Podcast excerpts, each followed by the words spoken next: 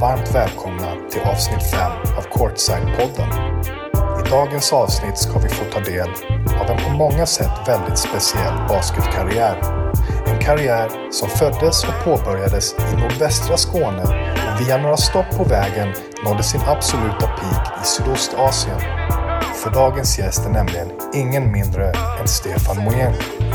Med föräldrar från Vietnam kom Stefan att växa upp i Ängelholm och i ung ålder bli sedd som en av södra Sveriges största baskettalanger. Som ungdomsspelare kom han i flera år att representera det svenska landslaget men anledningen till att vi aldrig har fått se honom i det blågula herrlandslaget den kommer du få höra om här idag. För istället för att söka lyckan i diverse europeiska ligor valde Stefan att påbörja sin proffskarriär i landet dit han alla redan hade en stark koppling. Samma land som han skulle komma att lämna ett stort avtryck i och sedermera komma att bli sedd som en av Vietnams allra största och viktigaste basketikoner. Allt detta i dagens avsnitt av Courtside-podden.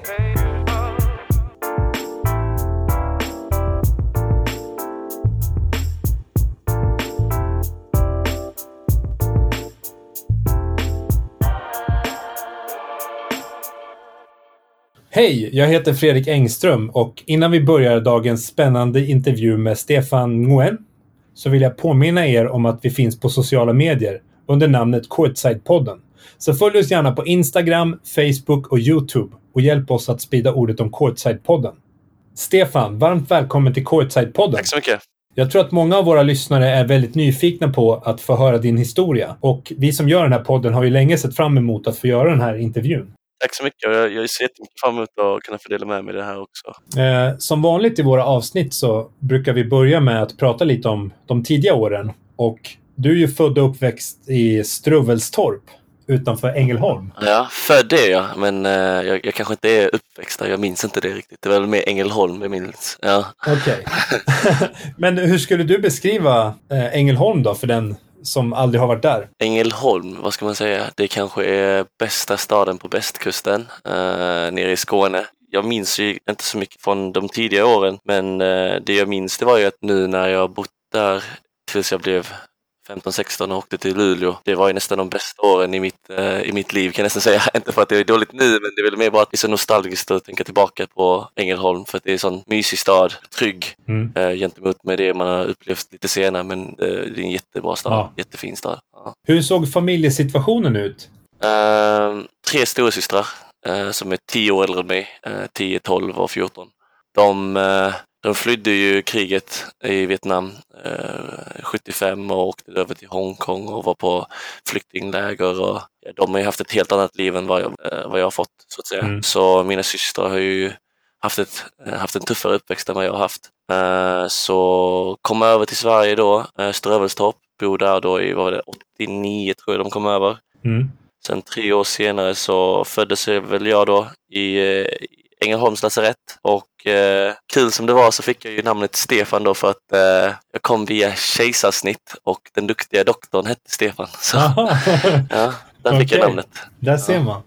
Mm. Ehm, du var ju redan i ung ålder liksom väldigt lovande basketspelare. Mm. Men höll du på med något annat, alltså någon annan sport innan som liten? Jag körde väldigt mycket fotboll och eh, landhockey i den lilla, vad ska man säga, det kallas papegojan. Det är lite så här eh, radhus och eh, lite förortigt. Mm, okej. Man kan inte jämföra det med Stockholm riktigt, men det är ett tryggt område där eh, mycket av eh, olika nationaliteter alltså var tillsammans. Ja. Det var mycket landhockey på den tiden. Det var mycket fotboll med ÄFF. Eh, Men på något sätt så var det väl ändå basket som jag fastnade för. Och jag vill minnas att det var att, det var att medlemsavgiften var mycket billigare och att jag, jag, vet inte, det var, det var något sånt Mm. först som lockade för en eh, familj som mig då som inte eh, prioriterade sport så mycket för oss. Eh, eller för mig då. Så ja, jag kom väl först ut ur familjen och anmälde mig och spelade i ärlig basket. Var det någon av dina systrar som också spelade basket? Nej, ingen alls. Det var mer också det att eh, jag behövde mer, bara gå från papegojan då och gå över en bro och så var det ju Rönnehallen där då. Och Ja. eh, först var, väl, var det väl mer, jag minns ju detta det, det är ganska sjukt nu när vi pratar om det. Men eh, det var ju att det var, det var kallt ute på hösten och så, så ville man gå in i en varm hall. Ja. Och så kunde man alltid gå in i Rönnehallen och eh, då tränade ju Johan Åkesson och eh, de här profilerna då som, som spelade ungdomslaget. Eh, Truls Paulsson och, och ja, det var väl Niklas Selin också då, en mycket nära vän till mig, som körde där då och det var ju bara vad ska jag säga, det enda stället man kunde gå till utan att behöva betala för sig. Ja, okej. Så då smet vi in där och ja, gömde oss där inne och jag och några kompisar och sen så tog vi väl Johan Åkessons skor och, och gömde dem på massa ställen. Så det är väl det han minns mig från första början, Johan Åkesson. Ja. Okej. Eh, hur, eh, liksom, hur gammal var du på den här tiden tror du? Oj, jag måste ha varit 9-10. Ja. Jättejobbig. Alltså svårt att sitta stilla och alltid lite så här, jag måste nästan säga kaxig alltså. Hela tiden Ja. var på gränsen med allihopa. Ja. Varför tror du att det blev just basket för din del? Uh, Eh, ska jag vara helt ärlig så var det nog för att det var väldigt tillgängligt. Alltså det var ju så här att man kunde komma in i Rönnehallen lite som man kände för att sitta i så här tjockmadrasserna och bara kolla på alla andra tränare. Och, och det var en sån miljö där väldigt välkomnande. Alltså allt från Jörgen Selin, Ankan, Anders Thomasson, eh, Christer Selin och Irene Gustafsson. Och, alltså alla de här ledarna var ju jättevälkomnande och eh, det, det kände jag inte att jag fick någon annanstans mer än där då. De var ju från kanske andra delen av Ängelholm om man säger så. Lite, ja, nu ska man inte s- säga vad som är bättre och sämre, men de hade, de hade väl ändå lite bättre ställt än vad man hade det om man bodde på Papegojan. Mm.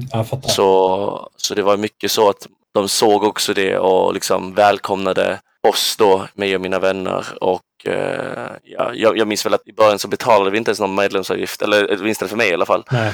Och eh, då, alltså de var ju så, de var ju så jättesnälla allihopa i Ärlig Basket så Mm. jag har bara dem att tacka nu när jag tänker efter. Hade det inte varit för dem så hade jag nog inte suttit här och gjort den här spännande, alltså den här häftiga resan som jag, som jag ändå är, eh, är på liksom. Mm. Och eh, jag tror inte ens jag hade spelat basket om det inte var för eh, Jörgen Selin och eh, Christer Selin och Ankan. Eh, för att de, alltså, de hade spelat på hög nivå. Jörgen hade spelat i, i superettan eller ligan, det hette då på den tiden. Mm. Och Ankan Thomasson hade spelat i eh, landslaget. Ja. Och sen så Johan Åkesson var ju där och det var någon man alltid såg upp till Mm.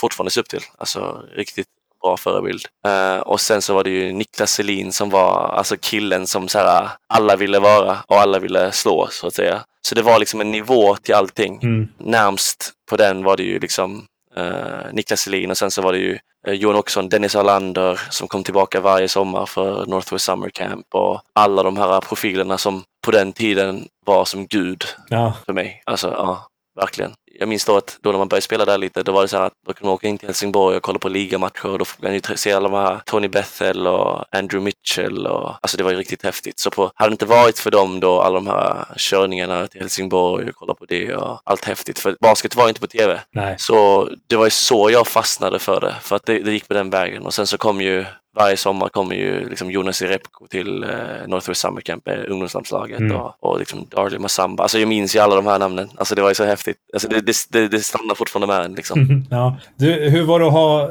ärlig basketprofilen Jörgen Selin som tränare då? Ja, alltså jag kan säga lugnt säga att hade det inte varit för honom så hade jag garanterat inte spelat basket, eller, eller inte på hög nivå i alla fall. Innan Jörgen så var jag kanske, vad ska man säga, den jobbigaste ungen i världen. ja men alltså verkligen, alltså han, han lärde mig så mycket om disciplin och Mm. liksom kontinuitet och, och vara lojal och liksom han, alltså jag kan, alltså det, det är alltid det vi snackar om hela tiden. Mm. Alltså att hade det inte varit för Jörgen Selin så hade jag inte spelat basket på, på någon högre nivå än, än det. Alltså, så han, han tog mig verkligen in och liksom teknikträningar, eh, liksom allt det här med att liksom bara förstå att man blir bara bättre ifall man verkligen alltså lägger in de timmarna och liksom han öppnade hallen och liksom gjorde en massa sådana extra saker. Även fast han var väldigt hård på den tiden och jag inte förstod det riktigt. Han berättade att du blev avstängd typ en månad från träningarna för att du var ganska lat på den här tiden. Minns du det? Ja, ja jo, jag, jag, jag gjorde jättemycket saker som inte så här, kom sent eh, i början. Alltså, det var jättesvårt med Jörgen Selin i början. Alltså, jag, jag hade jättesvårt för honom i början. Men eh, allt eftersom vi liksom kunde, alltså han, jag lyssnade väl mer på honom då och, liksom eh, när, när det blev en, än mer blev en så här alltså en kontinuitet i att, eh, och li, tilliten för mig också, att bara lita på någon så här ny person så, då klickade det bara och sen så, sen dess så bara, då var det ungdomslandslag och allting. Ja, häftigt. Ja. Eh, han, han berättade även att det Mm. fanns ett moment i liksom träningen som du inte tyckte var så roligt på den här tiden. Armhävningar var det det han sa. Nej, det var styrketräning Nej. sa. Ja, jag, jag kunde inte göra armhävningar på den tiden. Aha, okej. Det var ju så, ja. så alla skulle göra vad det, 10 eller 15 och då, vi skulle komma tidigt till det och så skulle vi göra, eh, vad var jag, jag var 13-14 år Ja. och så skulle vi göra armhävningar och jag kunde inte göra en. Men han var ju på mig då och så sa han det, han bara alltså Stefan han vill inte, han vill inte köra, jag vill ju bara spela basket, Mm. jag vill inte, jag vill inte vara i något gym eller något sånt, jag vill ju bara, Nej, ja. jag fattar. Hur är det nu då? Ja, jag vet inte. Det kanske är... Nu ska jag bara hålla igång för att jag inte ska bli tjock, känns det som. Ja. men eh, nej, jag fick bara hålla mig i form egentligen nu. Eh, men mycket har ju kommit från den tiden. Alltså, ja. När jag pratade med Jörgen så han sa ju det liksom att eh, du var en otroligt eh, grym bolltalang tidigt liksom. Och han eh, sa det att de var otroligt stolta över det du, den resan du har gjort liksom. Och en enorm förebild för deras eh, spelare som finns i hallen. Liksom. De, de som kommer från Vietnam. De har rätt mycket vietnamesiska spelare liksom, och de pratar ofta om, om dig liksom. Ja, Och berättar att ja, han är faktiskt kommer från den här klubben. Liksom. ja, det, ja. det är mycket det också. Det tänkte jag aldrig på när jag var yngre själv. När, man, när, när alla pratade om, då var det ju Dennis Wallander och Johan Åkesson och, och så. Då tänkte man ju att, att ha en förebild då, på den tiden, det hjälpte mig faktiskt väldigt mycket. För att, att veta att det är någon som har gjort liksom, den resan från eh, samma hall, samma nät, samma korg och liksom samma gym och allting. Det blir lite så här också att man tror lite mer på det själv också, att man kan göra det själv. Liksom alla de här eh, stora spelarna från Ärlig Basket då på den tiden eh, kunde spela i herrlandslaget, kunde spela i ungdomslandslaget. Det vågar man inte tro om inte det hade, funnits, om, om inte det hade hänt tidigare. Så på så vis så förstår jag ju varför förebilder är så viktiga och varför det är så viktigt att föregå med ett gott exempel. För att många tror ju inte på det folk säger förrän de ser det, speciellt nu för tiden. Så på så vis så försöker jag alltid säga det att eh, det är viktigt att uh, lead by example. För det är det bästa sättet att kunna, kunna, kunna inspirera någon och motivera någon. Och det tror jag fortfarande på. Word på den alltså. Ja, Ja. på så vis så när de säger det då så, alltså det är smickrande och att, att jag får vara det exemplet som Johan och eh, Dennis var för mig då. Så på så vis så, ja, det är lite smickrande. Så, ja, svårt, att, svårt att tro att jag är bland dem då. Ska vi se. Elin Gustafsson är också en otroligt duktig basketspelare från Ärlig. Men du pratade ju tidigare om eh, Jörgens brorson eh, Niklas. Hur lärde ni känna varann? Ni- Jag fattar att det var genom basket, men Mm.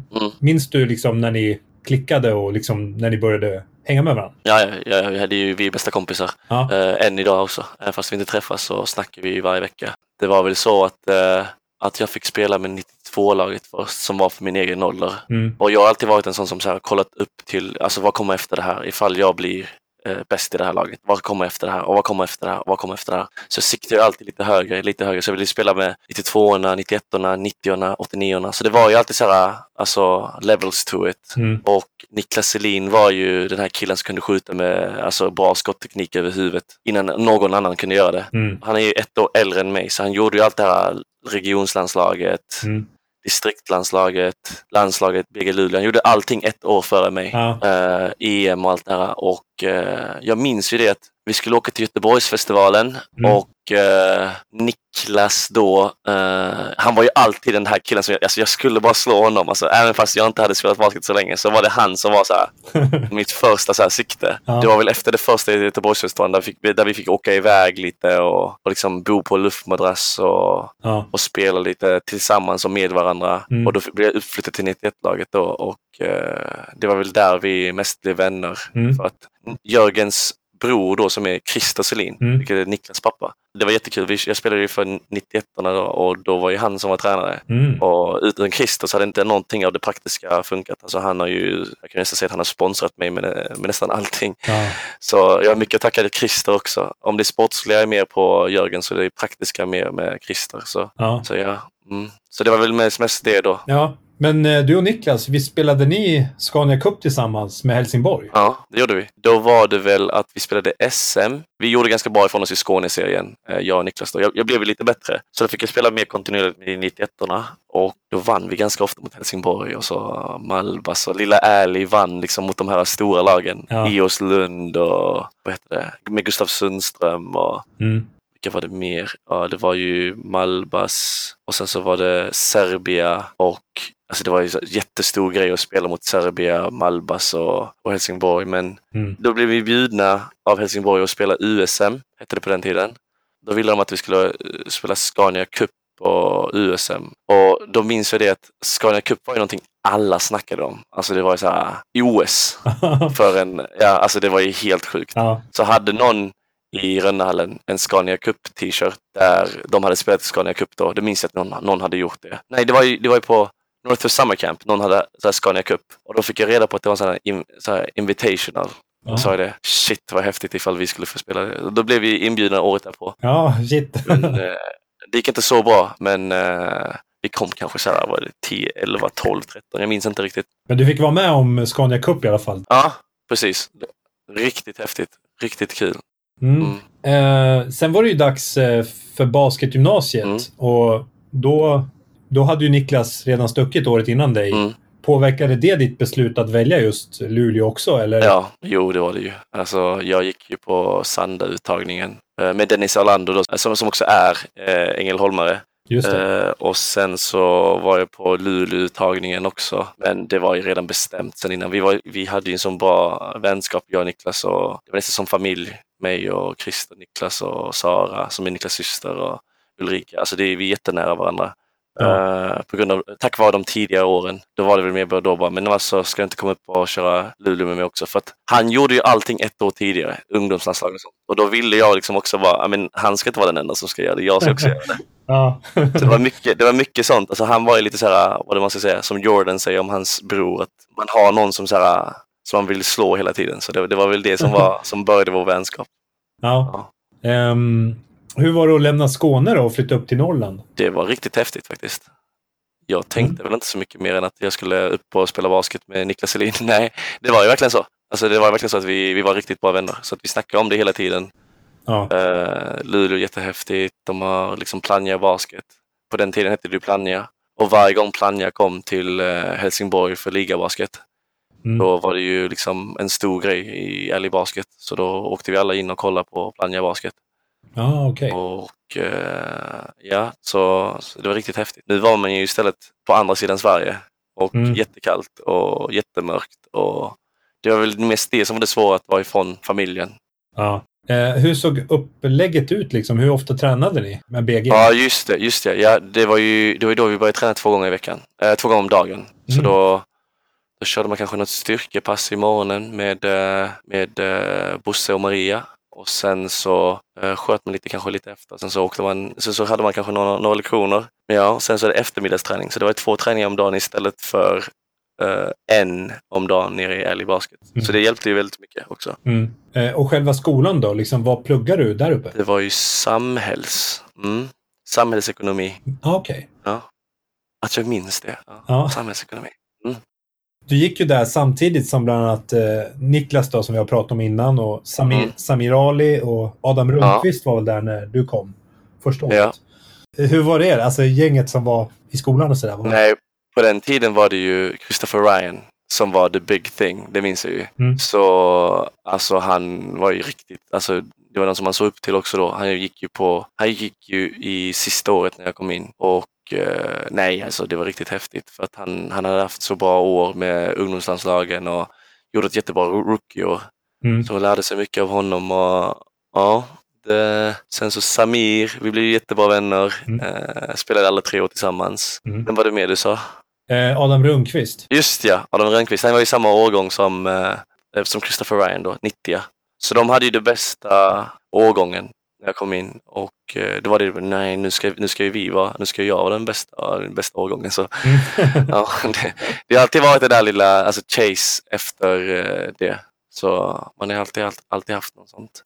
Minns du vilka du såg upp till på den här tiden? Men då var det ju Christopher Ryan som du snackade om. Var det några, några fler du såg upp till? Rudy Memba, han var ju där, alltså han är ju, Rudy Memba är ju coolaste, alltså helt på riktigt, alltså han är jag fick ju chansen att spela med honom i 08 också. Men han var ju, alltså det var ju såhär, man satt och kollade på YouTube-klipp med Rudy och Mm. om Rudy så att säga. På den tiden, vem var det mer? Johan Åkesson var ju där uppe då också, när jag var spelade uppe. Så då var det lite återkoppling på det. Och sen så Håkan Larsson, vem hade vi med? John Rosendahl. Eh, ja, det var ju de legenderna där uppe då som man fick se vecka ut och vecka in. Mm. Och nej, det var häftigt. Det var riktigt häftigt.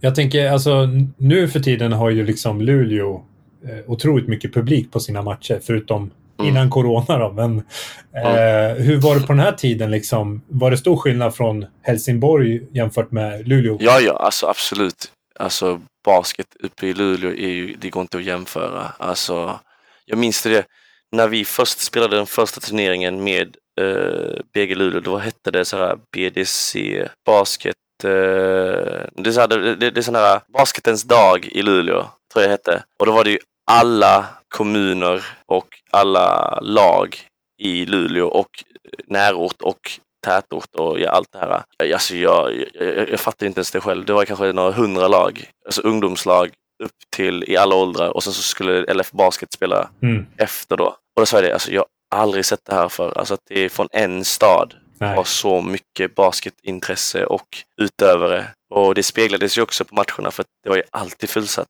Mm. Vi minns ju det, vi, vi hade ju träning från fyra till sex och om man skulle hinna få en sittplats då var man ju tvungen att antingen åka förbi Max och eh, ha hämtmat Mm. eller bara sitta hungrig hela matchen. För annars så fick man stå upp och det var, det var ju alltid sånt spring från vår träning till själva matchen. Mm. Ja. Så, så det var ju själva, ja. Ja, häftigt. Hur skulle du sammanfatta tiden på basketgymnasiet i Luleå då? Mm, vad ska jag säga? Jag skulle ändå sammanfatta det som något som jag... Alltså, alltså det var ju det roligaste också. Det var jättekul. Men om jag skulle sammanfatta slutet så ville jag ändå spela i, i, i, eh, i LF Basket, hette det då, Mm. med eh, Niklas då. Han spelade ju där ett år innan. Och då ville jag jättegärna spela där. För jag gjorde ju U20 med dem och sen så, men jag spelade aldrig för LF Basket. Jag var med på träningar och Ah, Okej. och så K- kanske inte gjorde så mycket intryck. För på, på den tiden så var det ju Rudy och liksom Håkan Larsson och allt det här. Det var ju riktigt bra på gradsidan så att Ja. jag tror inte riktigt jag hade en chans att komma in där på Nej. samma sätt. Mm. Jag tränar ju med eh, dem på sommaren också Ja, okej. och, och så. Och eh, exakt då, då bytte, det ju, då bytte de ju tränare från Mattias till, till eh, Charles. Och ja, Ja. fick jag ett samtal från, då var det ju Charles Barton, Ah. Em, en, av mina, en av mina närmsta kompisar, Challe, eh, Challes pappa. Och då sa han det, men, men eh, Stefan, har du bestämt dig för att du ska spela? Jag bara, eh, ja, alltså nej, ja, vi har inte, har inte bestämt någonting. Och sen så bara, ja men vi ska snacka någon dag. Och sen så blev det aldrig av efter det, men då väntade jag jättelänge på det. Men sen så blev det ju 08 Stockholm efter det. Och det var ännu bättre. Det var ännu bättre för mig. Ja. Så det var ju bra. Mm. Hade du några liksom, planer på college och sådär? Eller var det liksom helt uteslutet för dig? Nej, inte college, men jag minns att innan Luleå då hade jag faktiskt ett erbjudande att sticka till Gran Canaria. Mhm. För att jag var på sånt här sommarläger i Malmö och eh, då var det en, en kille där som, som, som ville få över mig dit. Så det är väl det enda som jag haft så här, över pölen. Men annars, nej, inte college. Inte på, så- inte så, inte på så vis, nej. Nej, okej. Men efter gymnasiet så blev det ju som sagt eh, 08 Stockholm som du pratade om. Hur, Ja. hur hamnade du där då? Tommy Hansson, eh, också Lulebo. Och eh, ja, jag fick ju ringa och berätta att jag fortfarande hade ambitioner att spela i, i ligan. Och eh, då sa han ju det, det är inte mycket i eh, lön. Mm. Och eh, om du kommer då så får du jobba vid sidan om. Mm. Då sa jag det, absolut, för då kan jag komma närmare. Min syster, bodde, min syster bor ju i Stockholm Ah, okej. och eh, Fryshuset ligger i Hammarby sjöstad och hon bor i Hammarby sjöstad. Aha. Så då tänkte jag bara, ja, men då får flugor på en smäll. Då spelar jag där, jobbar där och, eh, och också få vara nära familjen, Mm. vilket var jätte, alltså, det var ju det bästa. Ja. Så Tommy Hansson får jag tacka för den chansen och eh, ja, det var ju, Johan Åkesson var där då också. Mm. Det känns som att han är överallt. Ditt jag hänger du på. Ja, skulle inte förvåna mig om han är i Vietnam nu också. Eller hur? Ehm, Men hur, hur var det att flytta till Stockholm då och bo där? Det var, jag har ju alltid varit på så här ungdomslandslag med U16, U18 och så bott hemma hos eh, alla Stockholmskillar då i landslagen. Mm. Och jag tänkte bara, "Nej, men här kan jag aldrig bo. Det är ju så stort och jag skulle aldrig känna mig så här trygg här. Mm. Men eh, vad ska man säga? Jag tyckte ju Stockholm var, jag tycker fortfarande Stockholm är riktigt häftigt. Mm. Och kommer jag tillbaka till Sverige någon gång så kommer jag säkert bo i Stockholm för att jag har skaffat jättemånga vänner och, Mm. och så där. Så att ja, Stockholm är, växte på mig. Ja. Eh, hur såg konkurrenssituationen ut i 08? Var det många spelare som krigade om samma plats? Det var ju ännu värre. det var ju, vem var det då? Första året var det ju Erken Inan som kom hem från Turkiet. Mm. Sen var det Jonathan Persson som kom från eh, Italien. Ja. Eh, Han var, jag och han var jättebra vänner så det var inte så farligt. Men sen så var det Willy Bäck också Ja. som hade jättebra så här, ungdomsår. Och Kasim Negvere, alltså det var, det var ju ännu värre. Det var ju hungriga unga killar och eh, riktigt, riktigt, alltså jag, jag tror jag aldrig haft så kul i ett lag som jag hade de åren, Ja. de två åren. Okej. Så eh, det var inte mycket speltid, Nej. men eh, jag skulle ändå aldrig ta tillbaka de åren för att det var, ja just det, det var ju Olli också. Ja, just det. Olli laget. Så det, det ja, ja, jo, träningarna var ju riktigt bra, så på så vis så blev jag ännu bättre spelare. Ja. Kände du några spelare sedan tidigare i laget? Det var ju bara Johan Åkesson som jag kände då när jag precis kom. Mm. Och sen så var det, nu ska jag tänka om jag kände någon tidigare. Nej, det var nog bara Johan Åkesson. Ja, Okej. det var nog bara Johan Åkesson. Ja. Mm. Så alla, alla de vännerna som jag lärt känna nu i Stockholm då, som Mm. Erkan, Olli, Nathan, eh, Nathan Dawit, Mm. eh, eh, Francis Odada, alltså alla de är ju jättefina vänner. Vi har haft, alltså det, de åren var jätte, jätteroliga så att Mm. på så vis så, så, så, så kanske inte jag eh, gick så mycket framåt i basket, men i vänskap och livet så gick jag väldigt mycket framåt då, måste jag säga. Mm. Det var ju kanske några minuter här och där. Och det, var, det var också anledningen till varför jag flyttade till Malmö senare, för att Ja. jag kände väl då att jag kan spela, men jag måste bara kunna bevisa det på något sätt, Ja. någonstans. Men de minuterna som du fick, liksom, hur gick det för dig spelmässigt? Jag tyckte ändå det gick bra, tyckte jag. Eh, kanske något stressat någonstans lite då och då, men annars tyckte jag ändå det gick bra. Det var några matcher, så i Sundsvall och, och några matcher gick det ju bra, men det var med det också att det, det är svårt ändå. Nu när jag ändå är tränare själv så fattar jag ändå att det, man har liksom 12 killar som alla vill spela Mm. och eh, har pressen då som Tommy hade att Mm. eh, måste vinna och sådär. Ja. Det blir ju svårt att sätta in en, en 18-årig kille precis kommit från liksom, Luleå Mm. och så här. Så på så sätt så kan jag inte blamea honom. På den tiden så var det kanske lite annorlunda. Det tänkte man lite annorlunda för att man inte fattade så mycket. Men nu när man ändå är på den här sidan, ja vad ska man säga, den här sidan av eh, grinden kanske man ska säga då, så, så fattar jag ändå hur, hur svårt det var för honom också. Så, Ja. Så det är inget agg eller någonting alls utan ja, Tommy är jättehärlig. Mm. Jag, har mycket att tacka honom också. Eh, Du hade ju dubbellicens och spelade med Fryshuset i Basketettan också. Mm. Med bland annat eh, Nathan David och Kasim Nagvere och Francis Odala. Mm. Ehm, jag pratade lite faktiskt med Francis här inför den här intervjun. Ja. Och eh, frågade lite hur han upplevde det och sådär. Och spela med dig. Mm. Tänkte jag skulle spela upp ett litet ljudklipp här för dig så du får höra vad han har att säga. Det är sant. Jag eh, spelade med Stefan i 08. Jag tror att det var två säsonger. Jag är lite osäker. Eh, men Stefan i alla fall. Han eh, fick inte så mycket speltid eh, i början. Så han hade dubbellicens. Och eh, det som var så himla kul att spela med Stefan. Det är att han hade, han hade allt, alltid känsla. Det var, han hade någonting, hur han rörde sig, vilka, hur han fintade. Han var, han var väldigt elegant i sitt spel. Eh, och det uppskattade jag väldigt mycket. Och jag kommer ihåg att vi, eh, vi skulle kvala med Fryshuset och Stefan eh, och jag skulle spela. Vi hade båda dubbellicens. Vi spelade mot Umeå och eh, det var en utslagsmatch. Vinner vi går vi vidare. Eller då slipper vi eh, gå ner så att säga. Torskar vi då, då går vi ner Då spelade vi, vad skulle det vara, division 2 eller vad det nu var. Just det. Eh, och det, jag tror det var eh, inte mer än 11 sekunder kvar. Stefan har haft en jättebra match. Jag har varit kaos. Jag var inte bra alls den första, eh, första halvlek, men Stefan var så himla duktig. Han kunde hålla oss kvar i matchen. Så vi klättrar upp, Ja, just det. 11 sekunder kvar av matchen. Vi ligger under med eh, ett. Vi, får, vi tar in bollen på sidan. Stefan möter bollen. Stefan tar två studs baseline, två starka studs. Och han blir dubblad. Eller, han blir inte ens dubblad. Utan han hinner se dubblingen innan den kommer. Och bara släpper en lätt pass till mig. Uh, Kommer ihåg, det var med hans vänstra hand. Han dribblade en, två. Uh, vänsterpass. tjoff. Jag fick den precis i fickan där jag ville ha den. Enklaste skottet. Planka i. Två poäng. Det är det första skottet man lär sig så vi vet att det är vatten. Men alltså utan Stefan. det hade varit en tuff match.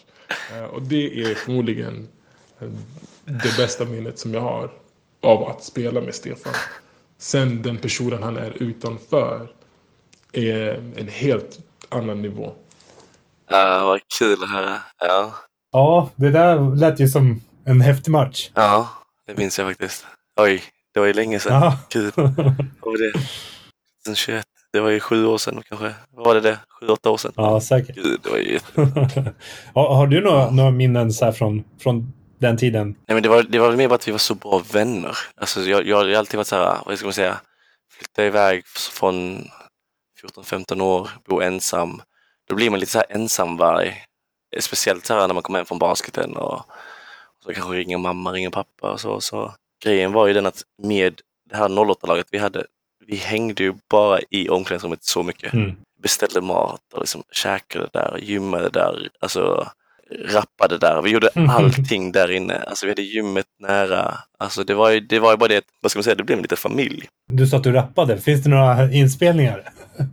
Nej, det var mest de som rappade. Ah, okej. Vi kanske, jag och Jonte kanske gjorde beatet eller så, men det var väl mer, det var, så, det var sån skön stämning bara. Det var så här, alla från liksom Nils Hedström, Bojan Svilak, eh, amerikanerna på den tiden då, eh, Cody och Isaiah. Alltså det var sån riktigt, riktigt skön stämning. Så alla lag jag har spelat med, det har aldrig varit sån sammanhållning som det var i det laget. Även fast vi inte kanske vann alltså, så många matcher. Vi kanske gick till slutspelet och mötte Sundsvall och förlorade direkt. Liksom. Men vad jag vill minnas från det är att jag kommer ha vänner från livet för, från den tiden. Så det var ju riktigt, det var ju riktigt, riktigt kul. Ja. Och det var, det, var, det var samtidigt då som jag tror Nathalie också spelade i, i damlaget. Ja, just det. Ja, Nathalie spelade i damlaget Mm. och Sandra Ngoye och så här. Så det var ju det var riktigt kul stämning i Fryshuset. Mm. Och ja, det minns jag. Ja, man har ju verkligen fattat att Fryshuset är som en familj. Liksom, när man, Ja. De som har spelat där, liksom, det. Ja, verkligen. Alltså, jag, jag, jag var ju inte från där, men de två åren jag var, från där, jag, jag, jag var där så var det ju verkligen som att eh, kommer jag tillbaka till Stockholm så går jag till Fryshuset på sommarna och liksom bara hänger Ja. i hallen. Liksom. Mm. Så det, det är verkligen som en familj där. Mm. Eh, minns du hur det gick för er som lag under första säsongen i eh, 08? Jag tror vi åkte ut direkt i slutspelet. Ah, okej. Eh, ja, jag tror det. Vi åkte nog ut direkt Ja, eh, båda åren, tror jag. ah, okej. För när den andra säsongen drog igång så hade du ju fått lite mer rutin och blivit varm i kläderna. Eh, Mm. På vilket sätt skulle du själv säga att du utvecklats jämfört med första säsongen i 08? Det var mest bara att prova på och känna på först. För jag hade ju ändå liksom så här, tränat med Helsingborg också när jag var 14. Mm. Så jag visste, jag visste ändå liksom så att jag kunde spela lite på den nivån. Men det var väl mer bara att, eh, ja alltså som jag säger, jag förstår nu Tommy nu liksom. Så att det, Mm. var, det var väl mer bara lite frustration och så här, när han väl kom ut på plan då, då var det liksom svårt. Och, de, det kanske är som att nu när jag, om jag ska spela i, nu och se någon rookie komma in, då, då sätter jag lite extra press på honom. Så det är ju samma grej. Mm. Då gjorde ju Omar Krayem och de grabbarna det så fort så här jag kom in. Så nej, det, det är någonting som man bara ser tillbaka som en grej som, ja, som hade kunnat gå upp bättre ifall andra saker hade fallit på plats också. Så, Mm. ja. Det var inte mycket speltid i ligan alls, Nej. det minns jag ju. Och det var det som också var motivationen till att spela upp mig i ligan med ett annat lag. Mm. Uh, så ja, det var ju den största motiv- motivationen för mig. Mm. När du ser tillbaka på åren i 08, liksom, finns det något så speciellt minne som sticker ut lite extra? Nu ska jag tänka. eh, något som sticker ut lite extra. Det skulle i så fall vara den så här, mest så här, oförutsedda vänskapen med Jocke Blom. Vi blev jättebra vänner också. Och det var någon som jag hade sett upp till jättemycket, Jocke. Och liksom, att han då hade gjort så mycket men ändå var så ödmjuk och så liksom Mm. delade med sig av erfarenheter och liksom skojade och liksom, jag vet inte, han var bara så riktigt, riktigt grym människa alltså. Alltså vi alla älskade att vara i Jockes, liksom så att han kom in i omklädningsrummet Mm. så var det liksom alltså, att han hade en sån skön energi bara. Alltså, ja. Mm. Vi gillade Jocke, alla rookies Mm. och han hjälpte oss och sådär. Annars så var det mycket rookie-göra mitt Ja. år. Ja. Ja. vad, gjorde du när du inte spelade basket? Jag jobbade som en, eh, det hette Point på den tiden, det är sådär eh, betalterminaler. Mm. Så jag registrerade betalterminaler eh, på löpande band. så det lät ju riktigt häftigt med sådär bankterminaler sådär, Ja. men det var väl mer att jag ja, jobbade lite sådär på laddad terminaler. Ja. Ja. Kundinformation. Ja. Ehm, efter din andra säsong i 08 så vände du hem, kan man nästan säga. Hem till Skåne i alla fall. Eh, Mm. Och eh, du väljer Malbas. Hur hamnade du där? Så då går vi tillbaka till Niklas Selin igen. han eh, väljer då att sticka tillbaka och plugga i Lund och då sa han det, då hade inte han heller spelat så mycket i, i LF Basket som han spelade i medan jag spelade i 08. Och då sa han det, varför sticker vi inte bara hem och liksom, varför sticker vi inte bara till Malbas och så här spela upp dem i ligan? Och liksom, det är ändå liksom ett så här kvitto på att man kan spela i ligan typ, eller på något sätt vara ledande spelare Mm. tänkte mycket på det då för jag hade ändå jävligt, äh, förlåt, jag hade ändå en riktigt bra situation äh, med äh, såhär, jobb och ja, jag hade liksom rutin på det hela. Gym, jobb, träning, hänga med grabbarna i omklädningsrummet och allt det här. Men det var någonting i mig ändå att, liksom, att när man satt, satte sig där på, på bänken, då var det den här känslan som att allt det där man gör som alla andra också gör, det får man inte lika mycket frukt av. Så man får inte spela. Det är ju det man vill göra. Så att jag känner det också, liksom, ja men då, vi gör det då. Vi sticker ner till Valbas och spelar upp dem i ligan. Mm. För det var en grej då, liksom, att Skåne skulle ha ett lag i ligan. Det var ju så länge sedan då Helsingborg var med. Mm. Och då var det Henrik Svensson som är coach för Borås nu. Vi hade ett riktigt bra snack och han bara, han, ja, han, han värvade mig ner dit då. Mm. Och eh, då kom ju eh, sportchefen Sverker med ett eh, flyttsläp och hämtade alla mina grejer. Och så stack vi ner till, till Malmö. Det var riktigt häftigt. Jaha. Fanns det några andra alternativ som du övervägde på den här tiden eller var det bara Malbas som gällde liksom? Mm, på den tiden så var det nog bara Malbas eller då var det att 08 inte hade ekonomi att stanna i ligan. Mm. Då var det antingen att stanna i ligan och spela, nej förlåt, stanna i Stockholm och spela med 08 eller att spela med Malbas. Eller bara plugga på heltid och jobba. Mm. Eh, men då sa jag det, nej jag vill ändå ha lite revansch på det hela. Ja. Och spela med Niklas igen, det hade varit riktigt häftigt. Så ja, då, då, då blev det Malbas helt Ja. enkelt. Hur var det liksom att flytta hem till Skåne igen? Du berättar ju att det var skönt att komma närmare familjen i Stockholm, men nu blev du Mm. ännu närmare eh, hela Mm. familjen. Hur, hur kändes det? Det var jättekul faktiskt för att då kom jag tillbaka till Skåne vilket bara är en vad är det, 50, 40, 40-50 minuters bilfärd till, eh, och tågfärd till Ängelholm. Så det var mycket att komma hem och hälsa på pappa och ja, det var mycket det. Och prata skånska igen med skåningar. annars, all, annars allt så, så lät man ju jätte utanför. Men eh, nej, nej, det var ju kul. Det var jättekul. Ja. Absolut. Vissa skåningar br- brukar berätta att när de liksom är på andra ställen, att de brukar så här bre på sin skånska ännu mer. Ja, för att man så här, Ja, i, ja. ja. Men när folk... I Luleå var det så här, Ja. i Luleå var det så här, ah, men det är så gulligt att du pratar skånska. Bara, ja, absolut. Visst är det. Eh, hur skulle du beskriva Malbas vid den här tidpunkten? Hur såg truppen ut när du anlände? Mm, just ja. Det var ju, då var det ju jag och Niklas som blev värvade till Malbas och eh, det året var det en annan australiensare som hette John Fitzgerald. Mm. Han var ju helt otrolig. Men eh, de hade ju satsat på, de, de hade ju så här, satsat på ligan och liksom hade en bra ekonomi och liksom, då fick man ju känna, då behövde jag inte jobba extra helt, helt enkelt. Då kunde jag liksom vara nästan, ja men jag kan nästan säga att jag var fulltidsproffs. Så att, eh, Och då var det basketettan också. Ja, precis. Då spelade jag i eh, Basketettan och då spelade några av mina vänner i ligan. Och då sa jag det, då skojade vi om det, att jag tjänade mer än dem som spelade i ligan. Och eh, det var ju ganska sjukt på det viset. Men nej, det, på, det var jättesatsning då i Malmö och eh, det var ju kul. Ja. Då fick man ju spela 35 minuter. Då, var, då kom det nog från att jag hade spelat med Francis då i Basketettan, som var dubbellicens, Mm. och gjort bra ifrån mig mot Malbas då. Mm. Jag tror det var då Hen- Henke fick liksom, ögonen för mig på så vis. Ja. Jonathan Peleg körde också va? Just ja, det var ju andra året. Ja, ah, Mm. okej. Och det var då ni gick upp ja. Ja, det var andra året. Så Ja. första året var ju John, jag, jag John och eh, Niklas. Andra året var jag, Niklas och Peleg. Ja, och sen Jakob Magnusson Just det, och ja. Kristoffer Almstrand Ja. och Tobias Sjöberg var väl också Ja, med? Tobias Sjöberg också. Då var han en rookie. Vi kan göra alla rookie-grejer. Ja. Och sen så var det ju Fredrik Larsson också. Ja, just det. Mm. Ehm, Så vi hade ett ganska bra lag. ja, men du kom ju till ett nytt lag och så här, nya lagkamrater. Mm. Hur lång tid tog det innan du kände dig som hemma i Malbas? Ganska direkt faktiskt. Mm. Nu kanske inte det var på samma vis som det var i 08. Men eh, nu blev det ga- ganska mycket mer press på att liksom, nu måste man ju prestera för att nu, nu satsar ju hela klubben på en. Mm. Så, så då, fick, då var det mer att liksom så här, då tog man det lite mer eh, varje vecka, varje dag. Allting var ju lite mer eh, press på. Mm. Och ja, det gick ju bra. Det gick ju bra alltså individuellt och så. Mm. Men andra året gick det ju ri- riktigt bra. Ja. Då, gick, då gick vi upp. Ja, det blev ju lite av en succé där, kan man säga. Ja. Men Henke, Henke är en bra coach. Henke. Men du var ju en stark bidragande orsak till att ni lyckades ta er upp i basketligan. Och hur, Ja, hur skulle du beskriva din roll under den här andra säsongen i Malbas? nej, jag spelade ju nästan alla minuter. Eh, det var ju Jakob som kom in efter och nej, det var väl mest, det var jättetunga minuter Mm. och det var ju riktigt kul. Vissa matcher gick jättebra, vissa matcher var det mer, alltså jag var alltid på, på plan så att säga. Mm. Så på så vis så var det ju kul. Men eh, ja, det var väl där också då jag fick liksom en bra mixtape och highlight-tape. Och, Mm.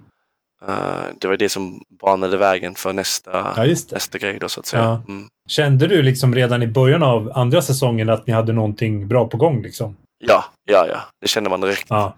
Alltså första året var det så här, känna på, liksom, jag hade dubbellicensat med uh, Fryshuset så att jag visste ändå liksom vilka som, alltså hur, de, hur lagen spelade och så. Mm. Men sen så nu när det var med Malbas då, så Henke var ju så sjukt duktig på att förbereda oss på matcher. Alltså det var så här video sessions, det var så här ska vi spela mot honom och exakt honom ska vi spela så här. Och här kommer du ha en lucka Stefan. Mm. Det här vill jag att du ska göra. Och det är mycket det också. Han, han var riktigt duktig på det. Ja. På så vis. Han, han, det var mycket så här Södertälje, Vedran Bosnic-aktigt. Liksom. Ja, okej. Han, kunde, han, kunde, han kunde nästan säga ajde Ja. på träningen också, det minns jag. Så det var mycket så här, jättemycket förberedelser, så det gillade jag faktiskt. ja. Det var riktigt bra. Vad var det som gjorde att ni lyckades ta er till basketligan, tror du? Det var väl med det också att det var Fredrik kom från så här bänkminuter Mm. i, i hans lag. Jag minns inte om han spelade i Borås eller Norrköping då. Niklas kom från bänkminuter. Mm. Jag kom från bänkminuter. Och sen så tror Peleg kom från Israel. Och sen så var det alla, så här, det var, det var alla som var så här som inte fick spela så mycket i ligan. Ja. Kristoffer Alstrand och alla. Och när man då sätter alla de här människorna in, i- in i ett sammanhang. Det var Sebastian, Sebastian Persson också och Alexander Nilsson. Ja, det var mycket så här folk som ligan hade valt bort så att säga. Ja. När man sätter dem i samma lag och så ville alla bevisa sig, Ja, då, då blir det liksom ändå bra. Ja, Mm. fattar. Så jag, tror, jag tror det är det som var hemligheten till det hela. Ja. Eh, när ni väl tog steget upp, eh, hur firade ni avancemanget? Jag minns faktiskt inte det. Jag tror inte det var så mycket firande faktiskt. Nej, okej. Ja, det var inte på samma sätt som det, jag, jag kanske, som det kanske är här nu. Nej.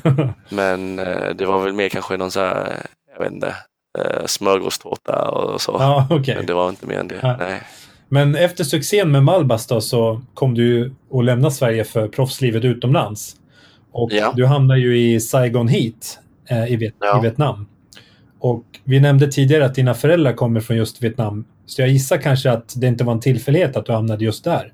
Nej, jag har ju alltid haft lite kontakt med dem. eh, men inte tagit det så allvarligt. Men jag, jag vill ju ändå minnas att jag, det var ju någon gång då, eh, för på den tiden när jag var precis hade börjat spela basket, det var 11-12 år, Mm. då hade vi parabol hemma och då kunde man se så här, eh, Vietnam i olika landslagssammanhang, aldrig i basket. Nej, okej. Det var alltid fotboll eller badminton eller något sånt Ja. här. Och då minns jag att det var, så här, det var det OS fast för Sydostasien, så det hette Sea Games. Och jag bara, alltså vad är det här? Alltså, jag, varför är det så mycket människor på sån här? Jag har aldrig hört talas om Sea Games. Nej. Men då hade jag det lite i bakhuvudet liksom, genom hela min karriär. Att, liksom, att det hade varit så häftigt att liksom, genom alla år jag spelat basket Ja. så har jag alltid valt bort att, fly, att, att, att liksom så här, flyga hem till Vietnam för, på grund av att jag hade landslagsuppdrag och, Ja, och, och, och Scania Cup och alla de här kupparna. Så jag kunde aldrig följa med mina föräldrar på loven. ja. Om jag då kunde på grund av det, tack vare det, åka till Vietnam och spela basket så skulle det väl liksom vara liksom så här en röd tråd, ska man säga, Mm. en rund cirkel. Och eh, då fick jag ju den möjligheten då. Jag snackade lite med dem så här, mina 08 år, men jag hade inte så bra mixtape så Ja, okej. jag kände mig också, så här, jag förlorade lite så här, confidence Mm. eh, i mina år i 08. Mm. Men sen efter Malbas då liksom, ja då fick jag upp det igen och kände liksom det här är jag liksom och då kände jag nu är det läge att åka. Nu ska, om jag ändå ska åka ska jag åka nu. Eh, och liksom göra ett år i Vietnam tänkte jag. Jag ska bara köra ett år. Mm. Hur gick allting till då? Liksom? Så som jag förklarat så eh, Saigon Heat är en ganska stor organisation Ja. och eh, de har ju människor överallt på alla media och liksom om man jämför med kanske Malbas Basket eller 08 Stockholm så kanske man har en på du vet, kansliet och en på, alltså det är, det är kanske två, tre fulltidsanställda. Här så är det kanske två, 300 fulltidsanställda på allt möjligt. Så att, Vad sa du? 200? ja, så två, 300 kanske det är. Jag tror Åh, det. herregud. Det är så här, eh, 13 våningar stort. eh, Du vet, så här, de, de, de, allting alltså runs through the organization. Så att de gör ju allting genom där. Och eh, då sa jag det när jag kom, när jag landade i Vietnam, då, jag bara, det här har jag aldrig med, varit med om, det är ju helt annorlunda. Presskonferens och allt sånt här, alltså jag fattar ju ingenting. Det var ju som att Nej. ett helt nytt liv startade, kände jag. På något sätt. Ja, Mm. jag fattar det alltså. Mm. Shit. Det låter alltså, för en som ser, ja, har kollat på svensk basket så låter det nästan overkligt liksom. Det är, det är overkligt. För jag, jag, jag kunde inte liksom... John, John Fitzgerald spelade i Asian Basketball League som, är ABL, som är den högsta ligan i, Ja. i där då, som kanske är som Champions League eller Euroleague i, i, eh, i, i eh, Europa. Men han sa ju det att liksom, Stefan, du borde verkligen testa att åka till Vietnam för det skulle vara så sjukt häftigt ifall du spelar i den ligan. Och då sa jag bara, ja men jag har inte Saigon Heat. Han bara, jo jag spelar mot Saigon Heat. Ja. Okej, så han, det var han som spelade med dig i Malbas? Ja, och då spelade han i Singapore Slingers. Ah, okej. Eh, och det, var- det, alla de lagnamnen lät ju som så här, latin för mig. Jag, jag hade ingen aning om, så här, jag visste ju bara om Salgiris Kaunas och. Virtus Bologna. Alltså jag hade ju, alltså mitt sikte var ju på helt andra, andra sidan pölen, inte på den sidan pölen. Nej. Och eh, då, då fick jag möjligheten att åka ner dit då och eh, min första kontrakt var ju så här hur mycket pengar som helst. Jag sa det, jag bara va? Alltså jag, jag, jag, jag minns att de var inte säkra på att de här pengarna eh, var enough, typ. Oh! Och när jag fick det då, och då sa jag det här, då sa jag det till alla mina vänner, jag bara jag sticker härifrån, alltså jag springer dit. Alltså, Blir betald året om, uh, bo i så här jätte, jätte, alltså det var ju helt, alltså uh, lägenhetskomplex som är så här uh, top notch, uh, chaufför, Oh. uh, alltså allting är ju så här på en helt annan nivå som jag aldrig varit med om tidigare. Mm.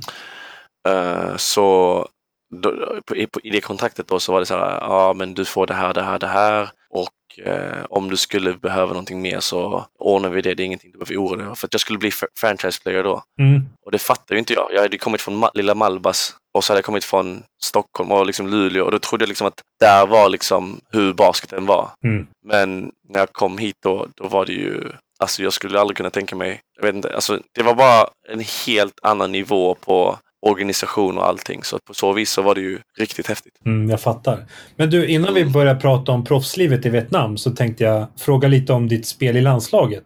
Mm. För du kom ju tidigt att representera det svenska landslaget och redan Mm. 2007 så debuterade du med U15-landslaget. Ja. Och efter det så har du gjort massa landskamper med ungdomslandslagen och sådär. Mm. Minns du hur det kändes att dra på dig det blågula landslagslinnet för första gången? Det var ju det häftigaste. Alltså jag kan inte, ja det var ju riktigt, riktigt häftigt. Det var Micke Herkel Cup och sen så blev jag uttagen till en 24-mannatrupp och då tänkte jag bara nej, det finns inte en chans att en spinkig liten eh, asiatisk liksom, kille skulle liksom, få representera Sverige. För det hade jag aldrig sett tidigare. Jag hade aldrig sett det tidigare. Och eh, då blev jag liksom uttagen. David Lehmann och Olle Lundén eh, tog ut mig då till U16-landslaget med, vad var det då, Marcus, nej det var inte Marcus Eriksson, det var ju jag, Jonathan Persson, Challe. Ja. Uh, ja, det var ju riktigt goa grabbar. Och vi spelade EM. Uh, efter det så fick jag spela ett, ännu ett EM. Och sen, med U18-landslaget med Andreas Persson, Pierre Hampton, ja. uh, Carl Engström. Engström, just det, Carl Engström. Alexander Lindqvist. Alltså det var ju sådana killar som fortfarande spelar nu. Mm. Chris Serapovic. Mm. Oh, han var grym det mästerskapet. Riktigt grym. Han och Andreas var riktigt grym. Och jag fick spela 15-20 minuter på match och jag fattade inte det själv. Att jag ändå kunde anses vara bland de som skulle hjälpa ett, liksom ett 91-92-landslag eh, och, och, och, och liksom vinna. Det fattar, inte, det fattar jag fortfarande. Ni vann ju hela... Alltså ni mm. förlorade inte en match det mästerskapet. Nej. Och så slutade ni på första plats och sen mm. tog ni er upp i A-divisionen. Mm. Mm. Ja, det är häftigt. Mm. Jag fattar inte det själv. Alltså, även nu när jag tittar tillbaka på bilderna. Så här, det, är, det är sånt som folk fortfarande snackar om här i Vietnam, alltså när de presenterar mig. Mm. Att jag spelade i svenska landslaget. Så här, alltså, det, är fortfarande, det, det håller jag fortfarande väldigt varmt om, om, om hjärtat så att säga, att spela med svenska landslaget. Det var riktigt, riktigt häftigt. Och få komma hem till Ängelholm på det lägret som man såg alla andra landslags, ungdomslandslag som Jonas Repko och ja och, och, Jeffrey Taylor och alla de här alltså, som man såg upp till. Uh, som, ja, som, man fortfarande ser upp, som jag fortfarande ser upp till. Alltså riktigt bra förebilder. Och, och få göra det också själv, det var någonting som var, jag fortfarande är riktigt stolt över. Ja, men sen året efter så blev du uttagen igen till U18-EM. Mm. Och eh, då var ju Marcus Eriksson med och Tobias Borg mm. och, och många av dem som var med i tidigare laget också. Ja. Ja, då möt... William McGarrett. Ja, just det. Ja. Mm. Men då mötte ni eh, ganska många framtida NBA-spelare. Uh, Rudy Gobert och vad hette han? Jonas Valanciunas. Jonas Valanciunas och så mötte vi Enes Kanter i London och ja, Daniel Saric. Just ja! Saric spelade vi också mot ju. Ja. Han var ju så duktig. Ja, jävlar, det minns jag. Ja, just ja. Häftigt. Vad, vad har du liksom för minnen av de här? Alltså då när ni möttes i mästerskapet? Jag minns att Rudy Gobert var ju någon som så här, satt på bänken och när han hade armarna över alltså knäna, då gick det ju, då kunde han röra liksom skorna. Alltså så, så lång var han. så han spelade ju aldrig. Men när han, för han var, på den tiden så, så kunde han liksom inte spela. Men jag minns att på uppvärmningen så hörde man liksom så lite då, då och då.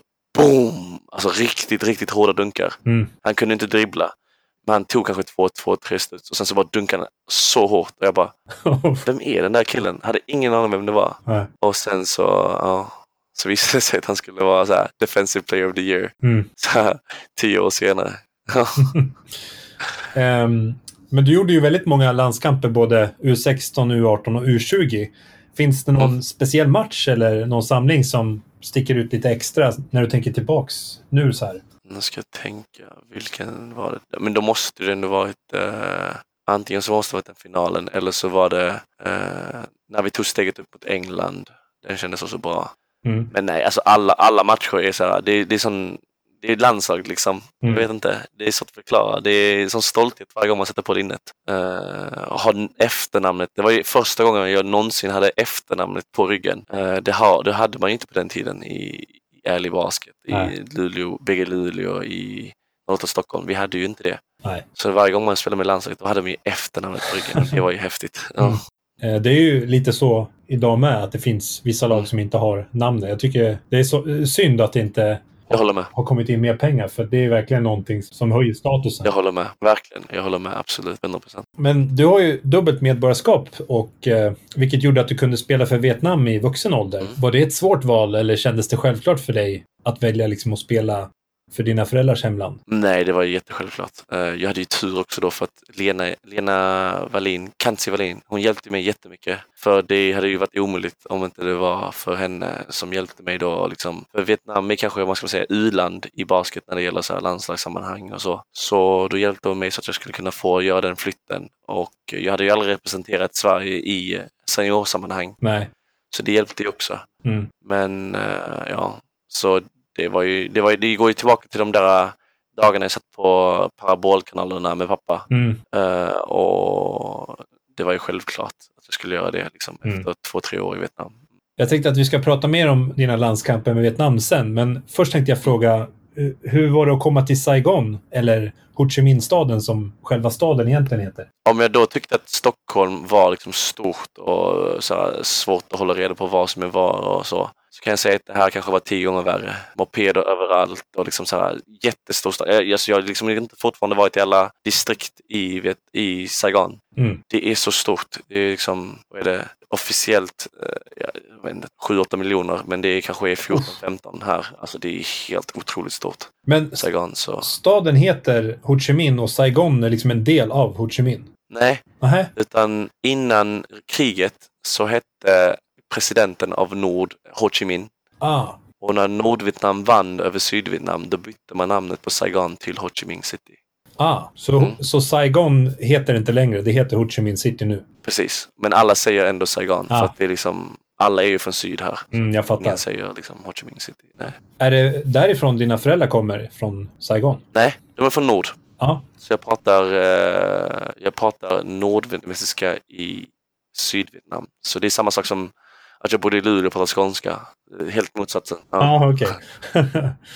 Ehm, men Saigon, eller Ho Chi Minh-staden, eh, hur, skulle du beskriva den för någon som aldrig har varit där? Um, alltså det är jättestort. Alltså väldigt, väldigt, vissa delar väldigt modernt, supermodernt, eh, som New York. Mm. Vissa delar som jätteoutvecklat, som inte ens har en så asfaltväg. Så det beror helt på, men charmen i landet, alltså det är så här, en av världens mest, vad ska jag säga, turistvälkomnande länder. Mm. Och liksom Vietnam är så underbart. Och jag, jag var ju så rädd när jag kom hit. Jag vågar ju liksom inte röra mig runt. Jag vågar liksom inte äta lokal mat. Jag vågar liksom inte, eh, vad ska man säga, gå över gatan. Alltså det var ju så annorlunda från vad jag någonsin varit med om. Men Ja. jag tror vad, vad, vad Luleå har hjälpt mig med, vad Stockholm har hjälpt mig med och så. Det, och det har hjälpt mig att adapta till själva omgivningen jag är i. Så att, Mm. att komma från Skåne till Luleå var en jättestor omställning. Mm. Och att komma från Luleå till Stockholm var en jättestor omställning. Ja. Så jag var ändå van, eller van kan jag kanske inte jag kan säga, men jag visste hur jag skulle göra den omställningen för att ändå trivas. Så jag liksom sakta men säkert testade mig framåt. Jag vågade inte prata med vietnamesiska när jag kom hit. Så alla trodde bara att jag kunde prata svenska. Ja. Men hemma pratade jag alltid vietnamesiska. Så, så fort det var så här första intervjun jag hade, Mm. då var det kanske så här två, tre veckor in. Och då sa de kan du prata någon vietnamesiska? Då sa jag, ja men jag tror jag kan det. Då körde vi hela intervjun på vietnamesiska och den blev så här viral. Alltså alla bara snackade om det. Bara shit, han har kommit hit i två veckor. Pratat engelska helt plötsligt och bara drar han på med bästa vietnamesiska. Ja, okej. Så på så vis så, det var då det började med att liksom jag började med att adapta mig mer till, eh, till omgivningen som jag hade lärt mig sedan tidigare. Så, så det hjälpte mig jättemycket. Mm. Mm.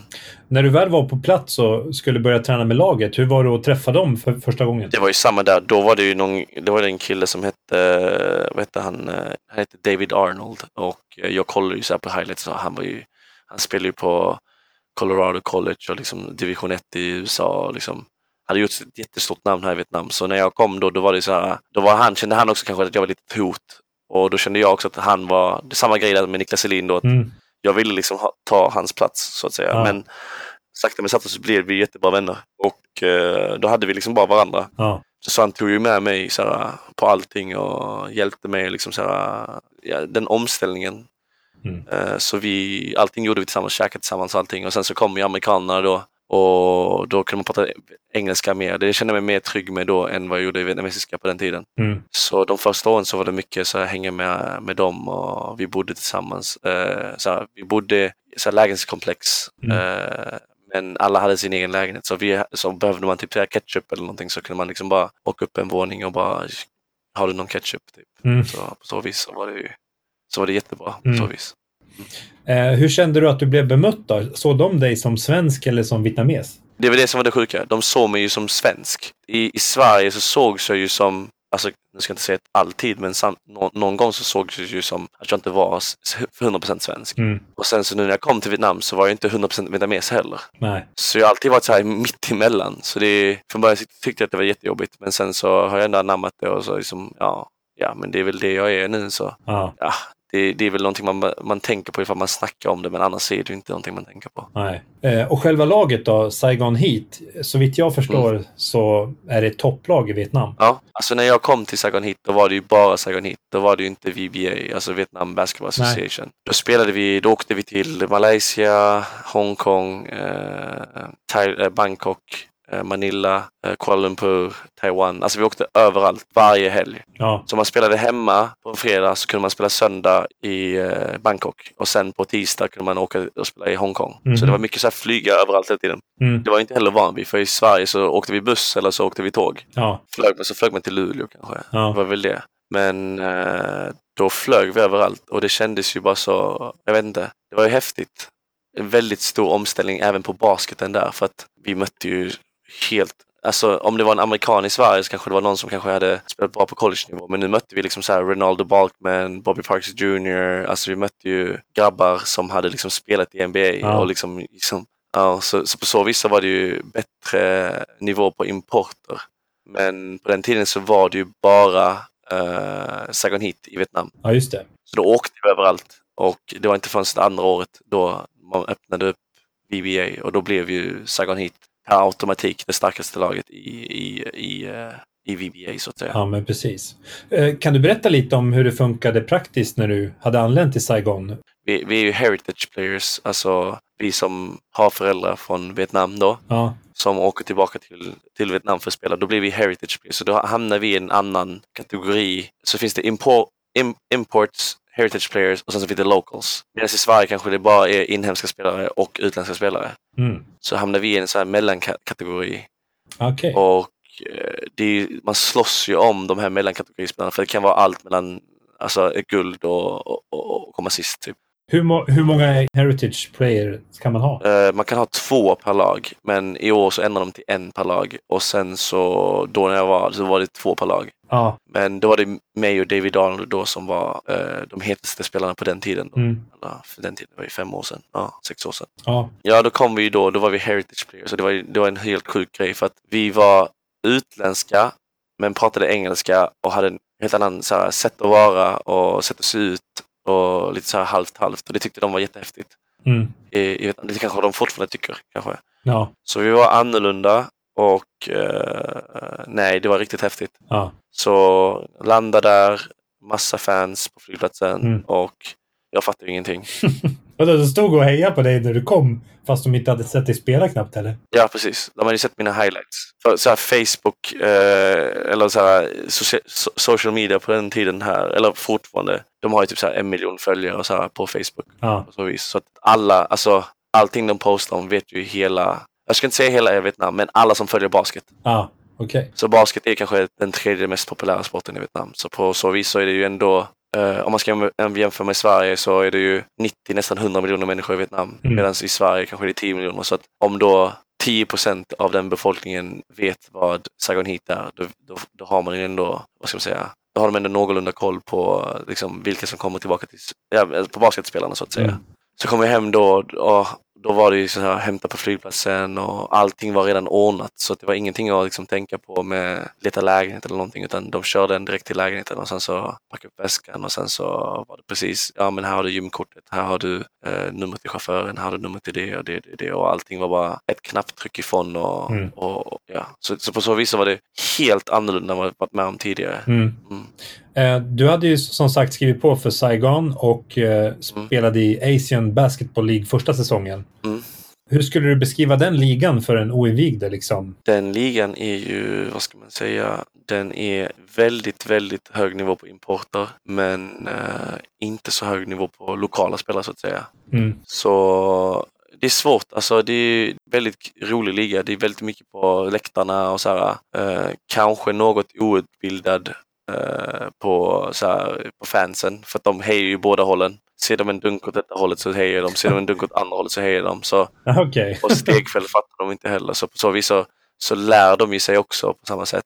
Eh, Ja. Så det är en växande sport här i Vietnam. Mm. Verkligen. Alltså jättemycket folk. Eh, Det är svårt att förklara. Ja. Hur, hur mycket folk snackar vi liksom på match? Nej, innan corona? Kanske 5000 per match. Ja. Så, Så det är, det är inte så mycket i själva hallen men alltså själva mediebevakningen och allting är ju jättepåtaglig och jättemycket människor som så här följer. Mm. Alltså det är ju flera miljoner tittare vad jag förstår Ja. också Ja. på tv liksom. Om basketligan går på SVT så går ju matcherna här på, på, på, på samma sätt här i Vietnam. Mm. Ehm, hur gick det för er första året som du var med då? Och eh, vad hade ni för spelare i ert lag? Vi hade, eh, på den tiden hade vi Lenny Daniel, David Arnold då, eh, Moses Morgan och eh, Will Creekmore. Alla division 1-spelare från, alltså vi, vi hade ju inte de här NBA-meriterande förrän nu på senare år. Så vi hade ju liksom killar som kom, precis kom ut ur eh, Euroleague eller så här, eh, division 1 eh, college så att säga, som gjorde bra ifrån sig. Så, så jag tror ändå det är svårt att locka alltså, unga alltså, eh, NBA-meriterade spelare, men så här, gamla NBA-meriterade spelare har jag ju spelat här. Mm. Så då hade vi det laget och då gick vi till, eh, till semifinal första året Ja. och förlorade mot Malaysia, Kuala Lumpur, ja, just det. i två raka matcher. Ja, Westport Malaysia Dragons. precis. Men eh, första matchen där, då var ju Moses Morgan skadad. Ja, Eh, och eh, hur mycket påverkade det er tror du? Att, jättemycket. och ni hade bara tio spelare. J- Jätte, alltså, Moses är ju, vet du det, alltså, han var ju rankad high school-spelare i USA alltså, när han kom upp. Mm. Och när han kom över hit, då var han ju eh, fyra års starter på Cal State Fullerton och på uh, DePaul, alltså så här, stora universitet. Så Mm. han var ju vår skytt. Och det enda jag skulle göra då det var så här fördela, jag spelade fem- 35-38 minuter och jag skulle bara fördela de här amerikanerna och bara make sure att du vet så här, spela bara försvar och bara fördela, fördela och så hittar jag något läge så, så, så kör jag själv liksom. Så på den tiden så var det ju jobbet ganska lätt för mig. Men Mm. jag spelade också mot riktigt bra andra spelare. Jason Brickman som är all time eh, division 1 leader eh, i assist. Eh, ja. Ja, jag tror att han är fyra nu. nu är han fyra va? Han kanske, han kanske, han kanske var etta Han var då. etta på den tiden. Så Ja. han var en jättestor grej. Jason Brickman, Matthew Wright som gick. Och Ma- Matthew Wright, liksom, han var ju grym. Ja. Så Matthew Wright och sen så var det ju eh, som spelade i Barneys, St. Bonaventure tror jag de heter.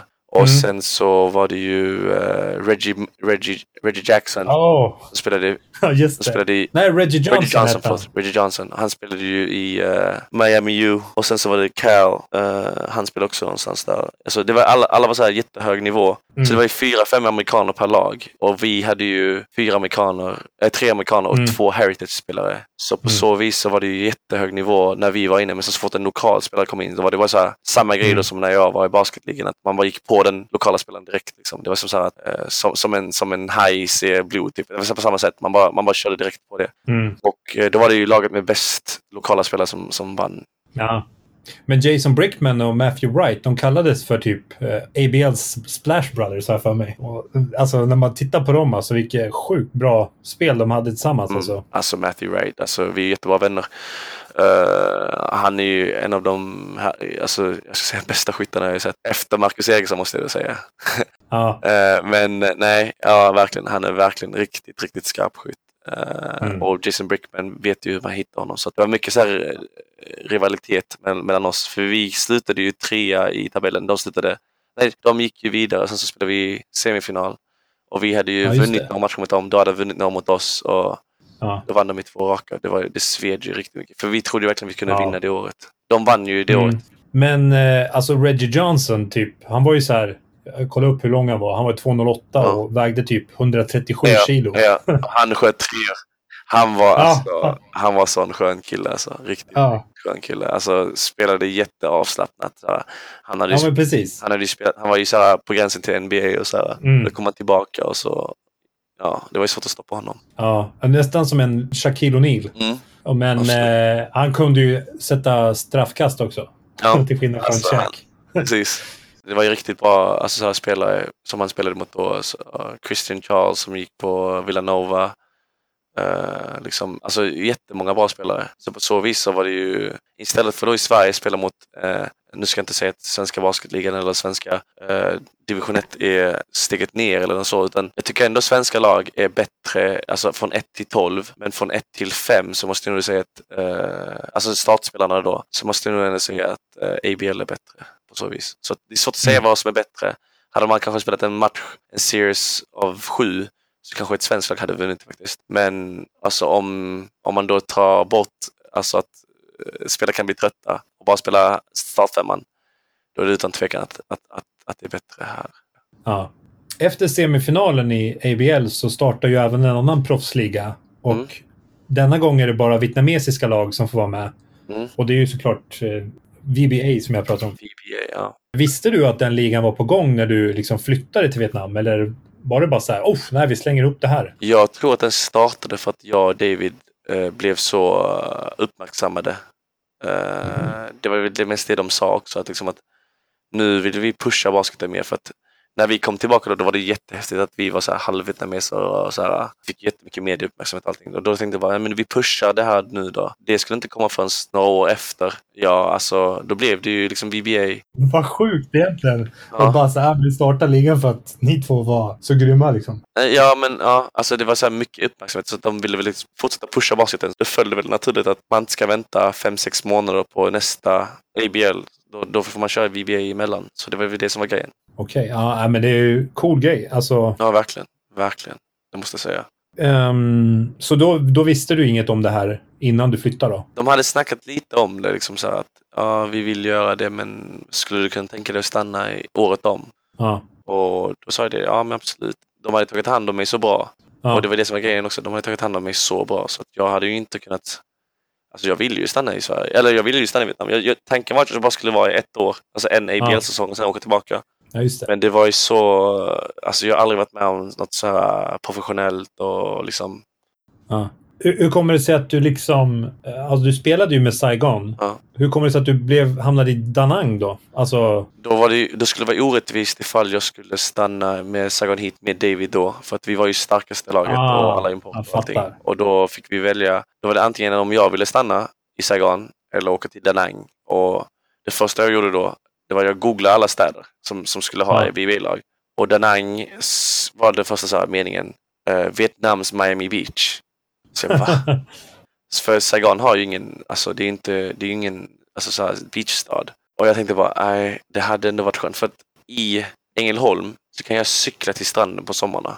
Alltså det, Mm. jag älskar så här vara vid havet och bara hänga och liksom, ja men alltså det var mycket så här, det var häftigt att, att, att spela i en stad där jag skulle kunna få mina vänner från Sverige, min familj och komma som en Mm. semester istället bara för att komma på basket. Så kunde de komma som en semester, sol och bad och allting. Så jag tänkte väldigt mycket så här för dem också. Ja, jag fattar. Så jag sa det bara, jag tar gärna Da Nang först av alla, om det är okej. För att det var Mm. så här, Hanoi, Kantö som är så här Mekongdelta, Hanoi som är ännu Mm. mer så här stad och ingen Mm. strand alls. Eh, och sen så var det två lag i Hanoi, två lag i Saigon. Och jag bara, nej jag måste ha Da Nang. Och då, då bråkade vi om, eller bråkade om, då, då, då fick vi liksom så här verkligen, eh, jag, David och alla andra, Mm. då ville alla till Da Nang. För, det. För att var så här, ägaren där var jätte så här, ja, ville jättegärna att liksom, basket skulle växa och hade jättemycket Ja. investerat i laget och allting. Så på så vis så ville jag ändå testa och så här, sticka till Da Nang och bo i en så här beachstad och så. Så det blev Da Nang på grund av, tack vare, tack vare den här Google-sökningen. Mm. hur, hur går det till liksom när man blir draftad till VBA? Första året så blev jag ju inte draftad. Eh, då, blev, då, då, då valde de bara mig. Eller så fort de fick höra att jag ville till Danang, då, då bara, ja men vi vill ha Stefan. Alltså absolut. Mm. Och då, fick jag, då hade de en, en tryout i LA, en i Houston och en i Boston. Och då fick ju alla lagens ägare och lagens coacher se på video på alla eh, heritage players i USA. Mm. Och eh, ville man då ha någon så tog man bara den det första året. Och då var det ju jag och en kille som heter Horace Nguyen som eh, är en väldigt, väldigt nära vän till mig nu. Då blev vi uttagna till det, det laget i Danang. Eller jag var ju redan där då och så kom han då som skytt för att jag skulle spela etta och han skulle spela tvåa. Och sen skulle vi ha en stor amerikan. Och säsongen gick ju riktigt dåligt. Alltså riktigt dåligt. Vi förlorade tio matcher och vann kanske fyra. Men eh, det var ju bara sex lag så då hade de en wildcard game. Så vi hade så åtta raka förluster. Det var så frustrerat och vi hade en tränare som hette Dante Hill och alltså riktigt, riktigt spelarcoach. Jag lärt mig mycket av honom. Då var det dagen innan wildcard game och då sa han så här, satt vi i stranden och sa han så här, vill ni åka hem nästa vecka eller vill ni åka hem om sex veckor? Och vi, var, då, han, vi, hade, beställt öl, vi hade beställt eh, så här, så här, han, han gjorde oss så lite salong- salongsberusade Och det var liksom hans grej, liksom att liksom så här, få oss att känna, alltså, våra, alltså verkligen känna och slappna av och inte tänka på de åtta förlusterna vi hade i rad. Så vi var ju verkligen uträknade. Ja. Vi skulle inte haft en chans att vinna det där egentligen. Men då satt vi där, alltså allt som, allt som krävs är att alla släpper sina egon här. Uh, ni fyra. Det är jag, en lokalspelare, Horace då och, eh, och Rudy som eh, Rudy Jolly. Och, Ja. och då sa han det, sex veckor eller en vecka upp till er. Och så satt vi och kollade över stranden så här, jättehärligt och vi bara, ah, men nu har vi varit här i fyra, nu är vi bara här någon månad till för annars vet man inte vad man ska göra. Och eh, då vann vi alla matcher, alltså i sträck. Eh, sju, mat- sju matcher. Efter att ha förlorat åtta matcher i sträck, då vann vi bara sju matcher i sträck. Sweepade hela playoffs och vann, och vann allting. Och jag, och, och jag vill tro att det var bara på grund av att vi var på stranden där och vi inte ville åka hem eh, på en gång. Ja. Så det, det var väl mer det att man inte ville lämna eh, den situationen man var i för att det var så bra. Och då sa vi Mm. väl det, men nej men nu kör vi. Och så vann vi bara allting. Alltså det var helt sjukt när jag tänker efter. Ja. Ja, det är ga galet liksom när, alltså typ, att få den där wildcard-platsen och sen bara Ja. köra på. Ja, verkligen. Då Ja. vann vi mot liksom fjärde sidade först, sen vann vi mot eh, första Ja. sidade och sen så vann vi finalen. Och så var, va, vad, vad, vad hände liksom? Och alla snackade Ja. liksom. Jag såg en intervju med Tam Din som spelade för Cantu Catfish. Han var lite snopen där. Sweeper. Ja. Ja, alltså, de fattar ju ingenting. Alltså, de bara, alltså vad Danang spöade liksom med 40 i regular season. Alltså, vi hade så stora egon. Jag hade ju också stort ego på den tiden. Och det var på den tiden där alla ville liksom bevisa Ja. sig. Men jag tänker typ Rudolph Jolly var ju liksom, han var ju grym i det här slutspelet liksom. Och det var ju, Massiv. vad, vad hände de här första matcherna? Var han liksom, han fick inte till spelet alls eller? Nej men vi ville ju också vårt eget. Jag ville ju ha mina poäng och så Horace ville ha Ja. sina skott och sen så ville ju Jimmy ha sina skott. Och sen, då sa ju liksom, då sa ju coach det bara, om vi bara spelar tillsammans och sen så genom Rudy, då, då kör vi Ja. liksom. Och då vann vi, då vann vi sju matcher i rad. Det var inte svårare än så. Okej. så det var liksom, laget kom efter den där, den där strandgrejen och sen... Ja, det vet ju ingen om. Alltså det vet ju ingen i Vietnam Nej. heller. Så att jag kör det på en svensk podcast, det hoppas jag inte någon hör Nej, precis. att han gjorde. Ehm, men hur, hur var det att komma till en ny klubb och så här, bevisa det igen liksom, i en ny klubb? Det var lite mindre klubb då från Saigon Heat, så The Nine Dragons var ju nystartat. Så det var ju kul i sig. Men eh, jag såg, alltså jag, jag tror hela vägen in, alltså fortfarande nu, så ser jag allt det här som en, så här, en, en lång resa. Eh, jag ser liksom inte det som en så här, vad ska man säga, jag menar alltså death or alive, du vet. Så här, alltså det är mer bara så att försöka, försöka leva, leva i Mm. nuet. Så jag försöker ändå liksom så här, vad ska man säga, alltså känna att jag är eh, här och liksom att jag är i Vietnam och jag gör det här. Alltså, det är mycket så att dagarna bara går och man inte tänker på Mm. det. Men det är mycket jag upplevt här nu som jag bara tittar tillbaka till. Och nu när jag snackar med Mm. dig om det. Det är så här, alltså jag fattar inte det själv. Alltså att, att det har hänt liksom. Så det är mycket sånt, sånt på vägen som jag ändå försöker så här, eh, känna att jag liksom gör. Så det är, det är ganska sjukt på så vis. Ja. Alltså det måste vara lite konstigt, typ så här. Ena stunden spelar du för Saigon Heat och sen spelar du för Danang. Hur var det liksom med liksom Mm. publiken?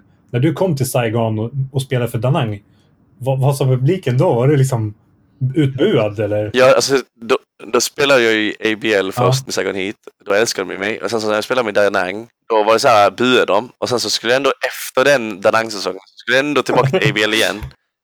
Och då hejade de på mig igen. Så det var så här, jaha, okej. Men det har ju mycket att göra med att de inte heller, så här, som jag sa, de, de applåderar Ah, åt okej, båda ja. hållen. Så dunkar de här, dunkar där. Så det var så här, det var bara emotionellt. Men de, alltså det var inte så här, ja, jag vet inte. Det, jag fattar inte det själv heller.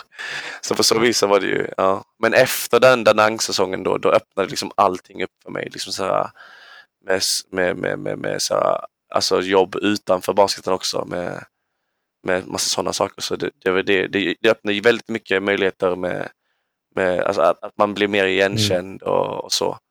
Du byter klubb efter säsongen med Danang Dragons och hamnar då i Hanoi Buffaloes. Hur kommer det sig att... Nej, jag, jag, jag åkte tillbaka till Saigon Ah. först och så spelade jag min andra säsong i, i, i Saigon Ah. Heat. Just det.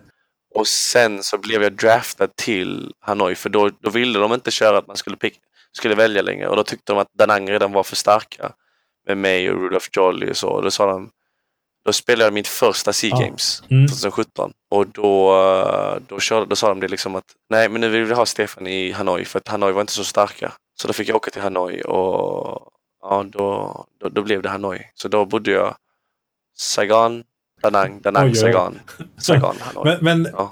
man draftas alltså varje år till ett nytt lag, eller? Eh, det beror på ifall laget eller om ligan veto... Alltså om laget är för starkt eller om laget inte protectar Mm. dig eh, varje år. Då hamnar du i en Ah. draft och då kan vilket lag Så man har en man kan typ protecta varje år, eller? Ja. Ja. Men, men du sa att det var Precis. bara en inheritage player. Då är det liksom den och eh, importen som man har en overlap. Nej, nej, nej, eh, det var fortfarande två. Det var mest det här senaste Ah. året nu som Okej. det var en. Jag förstår. Men eh, ni kom ju till semifinal andra året också, va? I ABL. Då gick vi till semifinal också. Nu minns inte jag. Nu spelade vi mot Filippinerna. Just det, ja. Då spelade vi mot Ja. Filippinerna. Och då fick jag en helt annan roll. Och eh, ja, så, så då spelade jag mot Filippinerna, eh, Manila.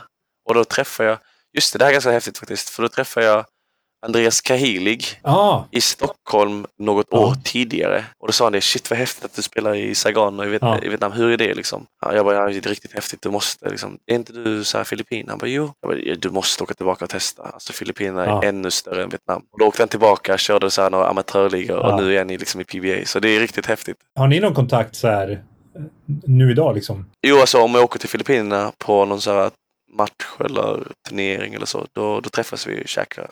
Ja, käkar vi inte gjort, men träffas i alla fall. Han Ja. kommer till matcherna så. ja kul. Men han, han, åker inte, han åker inte till Vietnam på så vis. Så. Nej, för han är inte något eh, lag som spelar i ABL. Precis, precis. Men du, ditt första C-game, eh, Ja. vad, hur var det? Riktigt häftigt. För då blev jag precis godkänd av Sverige och, och, och så för alla transcripts och allting. Och, Mm. och då fick jag liksom, då var jag som första heritage player tillsammans med Tam Ding få representera Vietnam. Och det var ju helt sjukt. Ja, Så då åkte vi till Kuala Lumpur och spelade i två veckor och kom femma, ja, vill jag minnas. Så det var den största, liksom, så här, av, vad var det, av tio lag. ja. Så det var det första, liksom, största som hade hänt Vietnam då. Att komma femma i SEA Games. Ja. Alltså det hände liksom inte. Hur skulle du beskriva liksom, den här turneringen då för någon som inte har varit där? Det är väl som OS, Mm. alla grenar eh, och eh, Team Vietnam då, eh, basket, fotboll, volleyboll, alltså alla grenar bor tillsammans i ett hotell. Ja, Och sen så Team Malaysia bor i ett hotell och så, så, här, så möts man. Alltså det är exakt som i OS. ja, Jag ska inte säga att det är någonting annorlunda, men bara en mindre skala av länder. ja. Hur mycket folk var det där liksom? Gud, alltså det var ju så sjukt mycket folk. Ja. Alltså, ja. På våra matcher när vi kanske spelade mot Laos eller så, så då var det inte så många. Men alltså, de andra matcherna så var det riktigt många. Sen så åkte man och kollade på fotboll och sen så gick man på invigning och allt så här. Alltså, det, var, ju- det var riktigt häftigt. Mm. Ja. Du var aldrig och spelade Universiaden för Sverige? Nej, nej, det var jag inte. Men det är ju typ något liknande som det kanske då? Ja, det kan man säga. För det var ju liksom när du satt hemma och drömde liksom i Ängelholm att shit, Precis. det där, hur, det, hur ja. var den liksom, känslan liksom, när du stod där? Alltså när jag höll då för bröstet och så här, sjöng nationalsången, då, då tänkte jag på de där minnena när jag satt i, jag menar, alltså när jag låg i soffan och, och, och- och såg fotbollslandslaget i Vietnam. Så här, Mm. Och pappa, min pappa sjöng ju alltid så här, nationalsången med högsta, liksom, så här, högsta bröst och liksom, så här, verkligen sjöng ut nationalsången. För han är ju jätte, så här, han, gick ju militär, han var ju militär och allt så här. Ja, Så det var en jättestor grej för honom. Så här. Och, och då för honom, då tänkte jag på det, jag hoppas han ser det nu på tv att jag spelar, alltså i Sverige då. mm, Och det gjorde han ju, så han var ju riktigt stolt. mm. Han tänkte, alltså nu ska jag inte säga att han inte brydde sig om när jag spelade i Sverige, men Vietnam, det träffar honom riktigt i hjärtat. ja. Ja, jag fattar. Må, han måste vara otroligt stolt. Ja. Eh, Minns du din pappas reaktion när du berättade att du hade blivit klar för det vietnamesiska landslaget? Jag tror faktiskt aldrig jag berättade för honom, utan eh, jag var så mycket inne i, eh, det var en tuff period då för min familj. Min syster var hela den sommaren, hade hjärtoperation och ja, det, hade, det var lite jobbigt då. Och då allt det där pappersarbetet som, som gjordes då från det svenska basketbollförbundet och det mexikanska basketbollförbundet, det hände liksom eh, medan jag höll på med det här i Sverige och ta hand om min syster. Så att, så att när jag fick reda på att det var okej, då det var först jag kom tillbaka till Vietnam eh, precis innan SEA Games då och eh, då var det allting att lära känna alla lagkamrater och lära alla spel på en gång. Så då tänkte jag aldrig på att jag skulle spela i landslaget utan, utan det blev bara en grej när jag väl var där och tränade och körde. Och sen så fick pappa reda på det efter första matchen. Det var någon sån träningsmatch på matchen och så fick han reda på det då. Då sa han, vadå, eh, var det det jag såg nu? Och då, ja, så var det väl mer eh, en stor grej, större grej för honom eh, än vad allt annat jag representerat tidigare var. Så eh, för mig var det väl eh, väldigt, väldigt stort. Men för honom var det nog större. På vilket sätt har ditt arv från Vietnam påverkat dig? Jag skulle nog säga att det hjälpt mig väldigt mycket och det tänkte jag aldrig på när jag var, när jag var yngre. Utan eh, hemma så pratade man ju bara vietnamesiska och sen så, så fort man gick ut och skulle hänga med vännerna eller gå till skolan och så, då pratade man ju svenska. Och på, på den tiden var det inget konstigt, men jag förstod ju aldrig riktigt vad, vad det skulle hjälpa mig med mer än att prata med mina föräldrar. Och eh, nu så har jag allt dem att tacka tack vare det. Så att allting från att eh, fira eh, asiatiskt nyår till två månader efter det, svenska nyåret, eller ja, vad ska man säga, det kristna nyåret, så, så firade vi nyår två gånger. Det förstod jag aldrig förrän jag kom hit då, och här är det tvärtom. Här firar man ju inte på samma sätt som man gör hemma i Sverige med jul och nyår, utan det är bara det, det, det asiatiska nyåret som gäller. Så eh, det är någonting som händer nu nästa vecka alla här är jätteglada och ska man säga, jobbar in i det sista nu innan, innan de tar eh, blir det två och en halv, två och en halv vecka, tre veckors ledighet. Ja. ja. 2017 så hamnade du också på förpackningen till chokladmjölkstillverkaren Kaulan. Uh, ja, Kaulan, ja. ja. Då slutade jag ju, då, då, spelade vi i landslaget och då hade jag vunnit ett VBA och sen mm. så hade jag gjort eh, Saigon Hit två år. Så då kanske jag var alltså det mest välkända namnet ja. i, alltså i basket då, i, i, Vietnam. Och eh, mjölk i Vietnam Nej. kanske inte är så populärt som det är i Sverige. Utan eh, då ville de ha någon som var lång, som, såg, som kunde representera märket då, och, ja. och liksom hade någonting med basket att göra. Och då hörde de av sig till mig då med en eh, stor summa. Ja. stor summa pengar. och eh, jag fattade ingenting. Jag bara, vadå, ska jag vara på en mjölkförpackning? Och de bara, ja, jag bara, vart då någonstans? De på varje butik i hela Vietnam. Och jag bara, va? Men vänta, vänta, vänta, nu måste jag bara tänka rätt. Ni vill alltså att jag ska vara på en mjölkförpackning i, alltså i alla så här Statoil och så Circle K och allting, alltså allting, allting. Jag fattar inte det själv. Och det var ju inte, det var inte någonting som man vågade tänka på när jag kom till Vietnam. Så det var bara så här, allting var ju så sjukt redan med alltså bo nice och liksom chaufför och allting. Alltså mm. det var redan, redan så nice. Men sen så när de sa det då så jag bara, men va? Alltså på en mjölkförpackning? Ja, så då fick jag göra det i två månader och spela in massa så TVCs, ja, uh, eh, TV-commercials, uh, massa presskonferenser, massa så uh, bilder och allting. Och sen så fick jag låtsas dricka mjölk och, och alltid, var jag än gick så var jag tvungen att ha, ha mjölk med mig. Alltså till matchen och allting, ja. ha dem vid sidan om. Och allting var jätteseriöst. Ja. Och det hade jag varit med om tidigare. Och det var ju den första gången jag så blev introducerad till showbusiness i Vietnam. Och efter det så bara exploderade det. Alltså allting kom på en gång. Alltså Nike ja. och allting. allting. Så, så det var ja, det är, ja. du, du är ganska... Du gillar chokladmjölk ganska mycket också för mig att jag läst. ja, nej, det, det, det kanske jag var tvungen att säga då. Men, ja, nej, det, det, var, nu är jag ändå utanför kontraktet så det kanske inte smakade så, så gott som svensk mjölk, som Skånemejerier. Det kan, det kan jag lugnt säga, det var ju inte samma sak. Men nej, eh, okay. Då var jag tvungen att, att gilla det. um, ja, det måste vara en väldigt konstig feeling bara kliva in i en butik och så bara oh. Ja, alltså jag fattade inte det först för att jag, de sa det, men nu är det i butik. Jag sprang iväg ut ur butik varje dag och jag såg aldrig det. Så jag var okej. Okay. Men sen så, så har de en sån här jättestor, det kallas Lottemart. Det är typ som, vad ska man säga, det kanske är som, eh, som Citygross. Då. Då minns jag att jag stod, jag skulle, jag skulle inte köpa mjölk, jag skulle köpa så här ost. Och det är ju mm. bland mejerier. Och då hade de en sån här människa som så här stod och så här, med en en, en, en Kowloon-hatt, alltså Kowloon-hatt.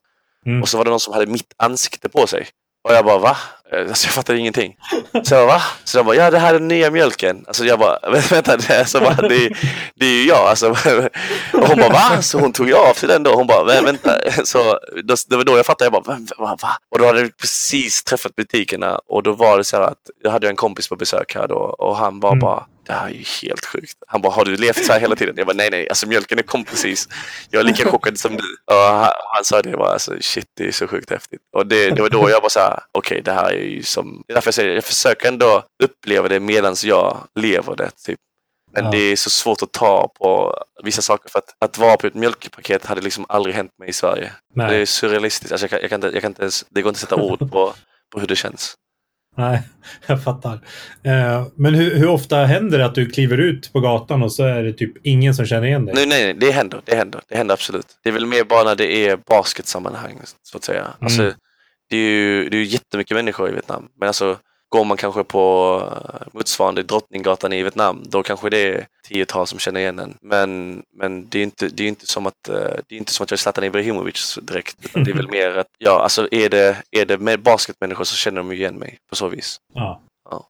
2018 sen så började du spela för Hanoi Buffalos.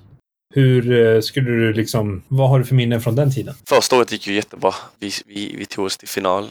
Mm. Det var ju mitt år efter mitt uh, Danang Dragons år. Mm. Sen, så, sen så pajade jag ju knät och ryggen uh, året emellan. Jag satt ju utanför uh, en säsong, mm. BBA. Uh, så det året kom jag tillbaka och var jättehungrig och ville verkligen så bevisa mig och hade vunnit tidigare så gick vi till final men då förlorade vi ju tre matcher där. Mm. Men det var ju jättehärligt för att Hanoi har ju bästa publiken i Vietnam. de är ju jätte, alltså communityn där är jättetajt och alla känner alla och alla är så här jätte, jätte, jätte hängivna fans. Det är aldrig tyst på läktaren och ja, så det var riktigt häftigt. Jag mm. bjöd med mig Challe och, och, eh, och Hookboy till Vietnam och då, då, gjorde de ett reportage där. Det var riktigt kul. Så då kom de dit och hejade på. Liksom, då fick jag ändå visa lite hur jag levde här i Vietnam och det var, det var riktigt kul faktiskt. Och det här var då när ni gick till final då? Ja, precis. Sen spelade du där en säsong till va? Ja, en halv säsong. Ja, en halv säsong. Okej. Okay en halv säsong. För då pajade då, då, pajade, då hade jag ju pajat ryggen. Ah. Kom tillbaka där och spelade där då och sen så mitt i säsongen så sparkade de tränaren Todd Purves som är en av mina närmsta tränare. Mm. Och eh, ställde ett ultimatum på mig att antingen, för jag flög från Saigon till Hanoi, vilket är motsvarar liksom från Ängelholm till Luleå. Ah. Så jobbar jag i min egen akademi som jag hade startat upp då i ja, ett år. Mm. Då jobbade jag i Saigon, tränade ungarna, hade mina anställda träna ungarna. Mm. Och sen när jag spelade match i Hanoi, då fick jag flyga upp till Hanoi fredagen, spela lördag och så flyga hem söndag. Ah. Och göra samma sak nästa vecka. Och jag klarade inte av det. Alltså det var ju så svårt att få allt att funka för att mm. det blev ju halvdant här i Saigon. Såklart. Det blev halvdant i Hanoi. Mm. Så då bestämde vi bara att då är det bättre att vi bara avbryter kontraktet och, så att båda kan fokusera på sitt. Hade du någon liksom, tanke med liksom, att ja, men jag ska köra i Saigon istället då? I och med att, i och för sig, det finns ju ett till lag från Saigon. Ja, de ville ju det, att, att, att jag skulle göra det, men då tyckte de att det skulle bli orättvist för att eh, då, då var det där med veto, att de kan veto en trade eller veto, alltså att, att jag skulle komma dit för att det skulle bli för starkt i Sagan eller det skulle bli för starkt i City Wings ja. med mig i det då. Och då, då gjorde de en veto på det och då fick jag inte spela. Nej. Vilket var, vilket var fine med mig för att jag var ändå så fokuserad på, på det jag gör nu. Ja. Så att säga. Så det hjälpte ju mig väldigt mycket att bara liksom skifta den fokusen till vad som skulle hjälpa mig en längre period mm. än bara några år till så att säga. Mm. När du spelade för Hanoi Buffalos så var du nominerad till Best Move of the Year.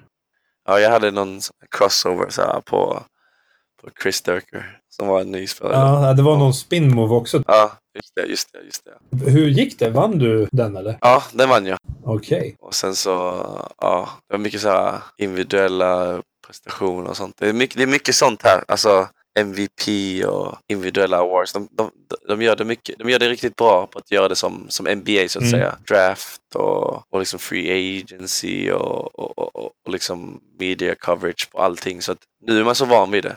Om man ändå ska gå tillbaka till hur det var när jag spelade i Sverige så är det ju riktigt häftigt så att säga. Ni vann ju brons i Southeast Asian Games 2019. Mm. Hur skulle du beskriva din roll i landslaget där? Ja, det var ju lite tuffare det året. Eh, jag, jag hade ju startat min lilla akademi året innan Ja. och eh, det var ju då för att jag hade fått mitt andra diskbråck eh, i ryggen. Mm. Då blev jag lite så här halvt förlamad i, mitt, i min vänster. vän- Det, det, det är därför jag och Nathalie snackar, alltså har mycket gemensamt. För att vi snackar mycket om, om hennes diskbråck och så snackar vi om mitt diskbråck. För att Ja. Det känns som att folk med diskbråck bara...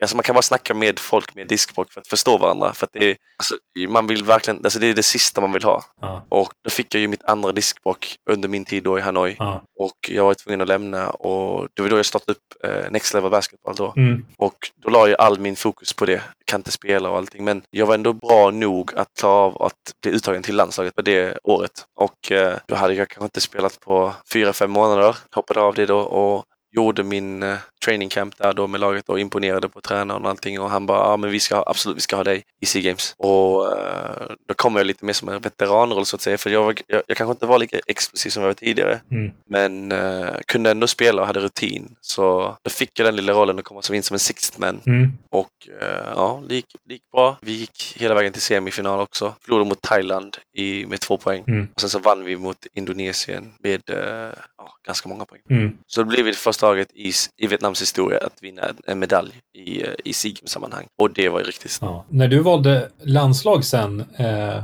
alltså då 2017, kände du någon press från Svenska Basketförbundet att du skulle välja Sverige istället? Nej, inte alls. För Olle Lundén som var min, min tränare då i mina ungdomslandslag och år, han jobbar ju på kansliet och Ja. har hand, hand om de mesta frågorna. Sen så har, för det är Lena också, hon hjälpte mig jättemycket. Ja. Och jag fattar ju också att jag kanske inte, jag kanske inte har den nivån att, att spela i svenska landslaget. Att på den tiden, alltså, då, alltså det landslaget jag är i Sverige, de, gör, de är Ludde och, och, och Tobias och, och, och alla de här spelarna som, som jag faktiskt spelat med. Jag känner att de är, de är många nivåer över liksom, så att jag sa det, nej men nej, jag måste, jag måste liksom göra det här nu. Så, så jag följer ju svensk basket fortfarande jättemycket för att jag tycker det är så kul. Mm. Eh, så på så vis var det ingen press alls, de hjälpte mig. Och det var så här, Mm. ja, fick ge dem en, eh, en vietnamesisk landslagströja och liksom, nej, på så vis så, Mm. alltså svensk basket har jag mycket att tacka för på, på så vis. Så att alltid varit så hjälpsamma och supportat. Mm. Har du någonsin ångrat att du valde att spela för Vietnam? Nej, aldrig. Nej. Det har öppnat så många dörrar. Som, alltså, Ja. Det har öppnat så, så många dörrar för mig. Så, så på så vis. Och sen så, det går mycket tillbaka till det med, med mig och pappa i, i vardagsrummet för, på tvn.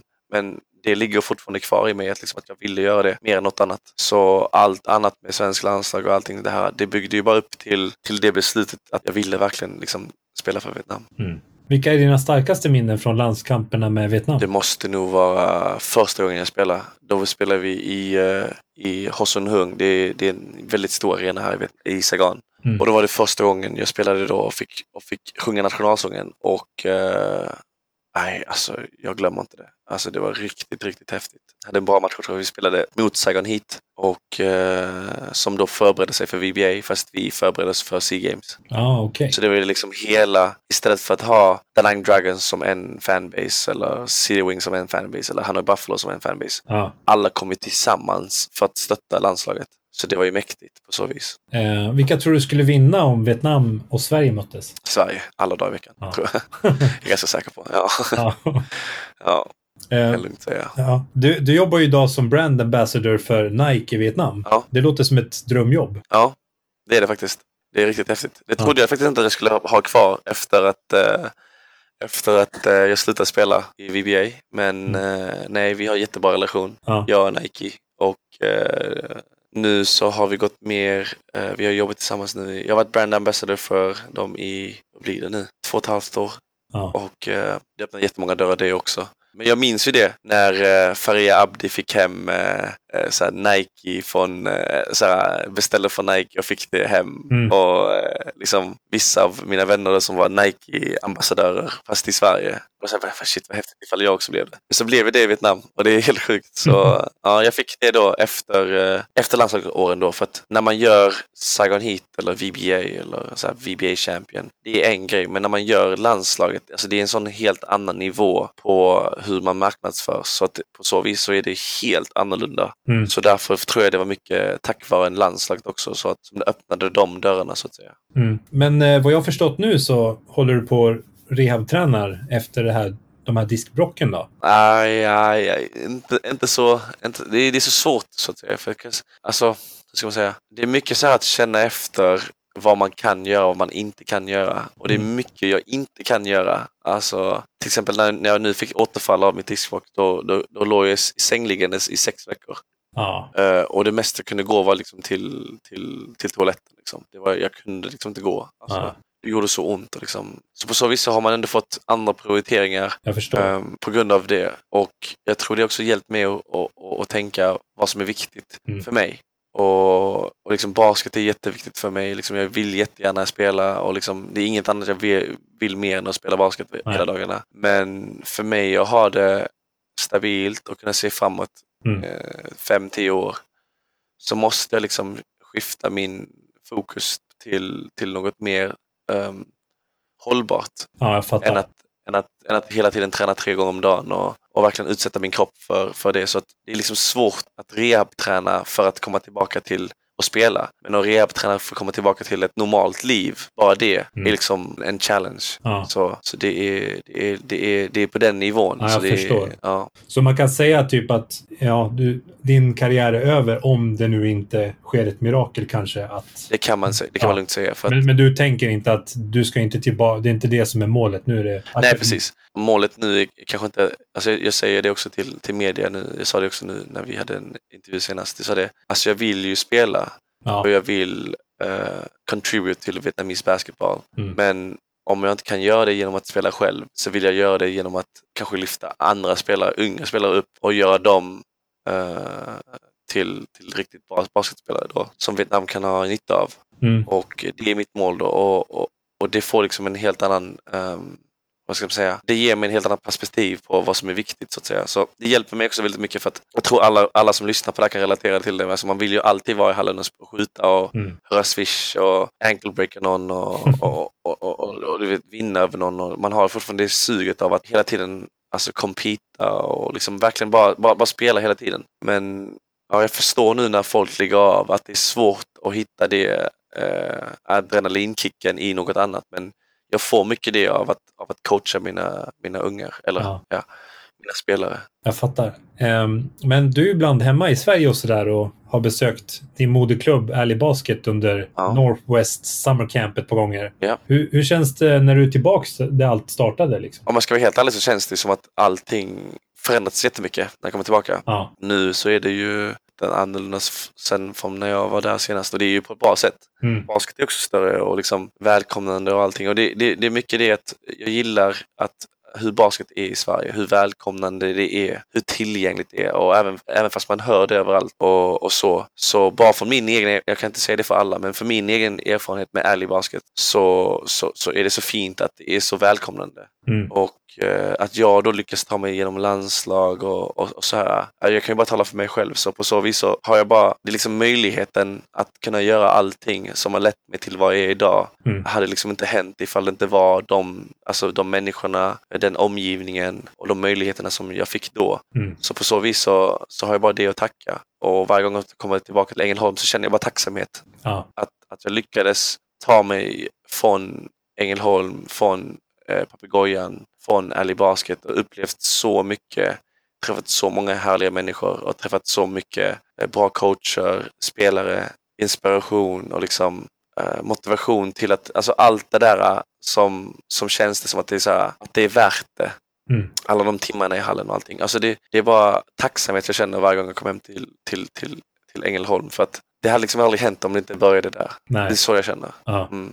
Men eh, som sagt, den här akademin som du har startat som heter Next Level Basketball. Kan du berätta Ja. lite mer om den? Den startades då i 2018 eh, när jag skadade ryggen och eh, jag hade då en spelare och han hette Tony Huang. Um, han är idag en eh, ungdomslandslagsspelare och en startande spelare för Saigon Heat. Och han då var bara en high school-spelare som inte, som inte hade liksom uh, ett fast eller organiserat spel. Så att eh, vi började med honom Mm. och träningen med honom var liksom träningen jag haft med Jörgen Selin, med Micke Johansson uppe i Luleå på skillsträningarna, som jag haft med David Lehmann. Liksom allt det där jag lärt mig genom åren i Sverige och i Vietnam med Henke Svensson, med Tommy Hansson, med alla tränarna som jag lärt mig från har liksom blivit den jag är. Och med alla spelare jag spelat med, Memba och Olli och Jonte och Nathan och liksom alla de här spelarna, Marcus Eriksson, allt det här. Alltså allt det som jag lärt mig på hela vägens gång och liksom försöka få tillbaka för det bästa av alla in till min egna träning med de här ungarna i Vietnam då. Mm. Så det är väldigt annorlunda träning från vad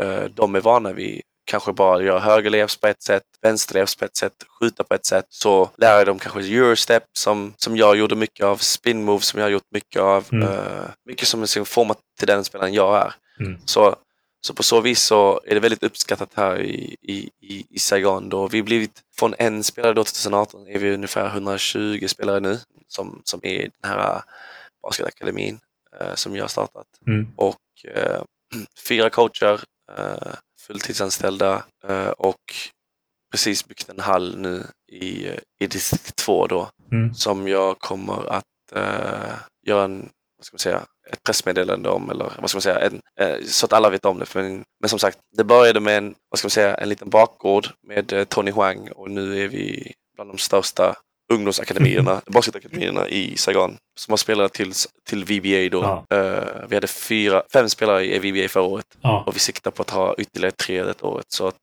så på så sätt så är det, så är det riktigt häftigt. Sjukt häftigt verkligen. Så här, att bara en svensk spelare som har en egen akademi i en annan del av världen. Det är ju alltså, Ja, ja, alltså svårt att jag greppa. fattar inte det själv. Nej.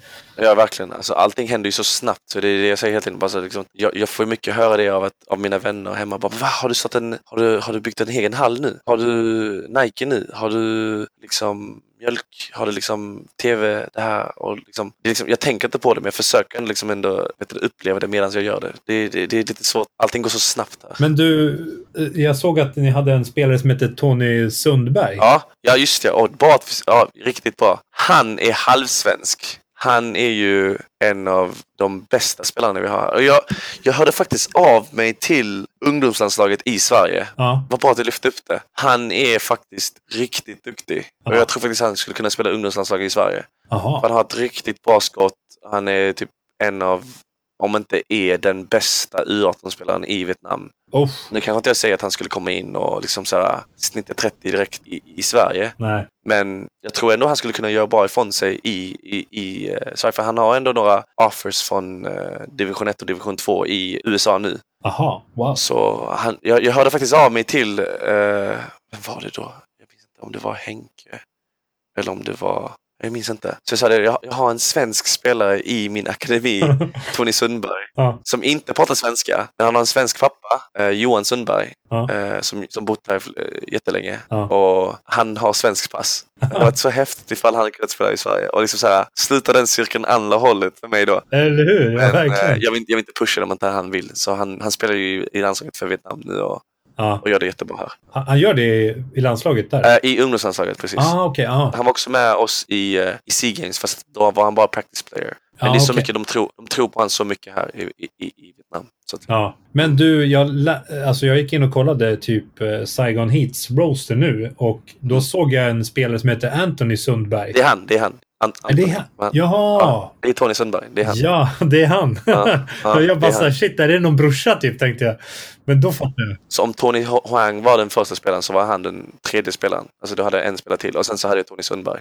Ah, okej. Och då, och då sa han det, ja, då var han ju kanske, vad var han då? Då var han 14 år gammal. Jag bara, är du svensk? Han bara, ja. Jag bara, jaha. Pratar du svenska då? Då, då svarade han inte. Jag bara, pratar du svenska?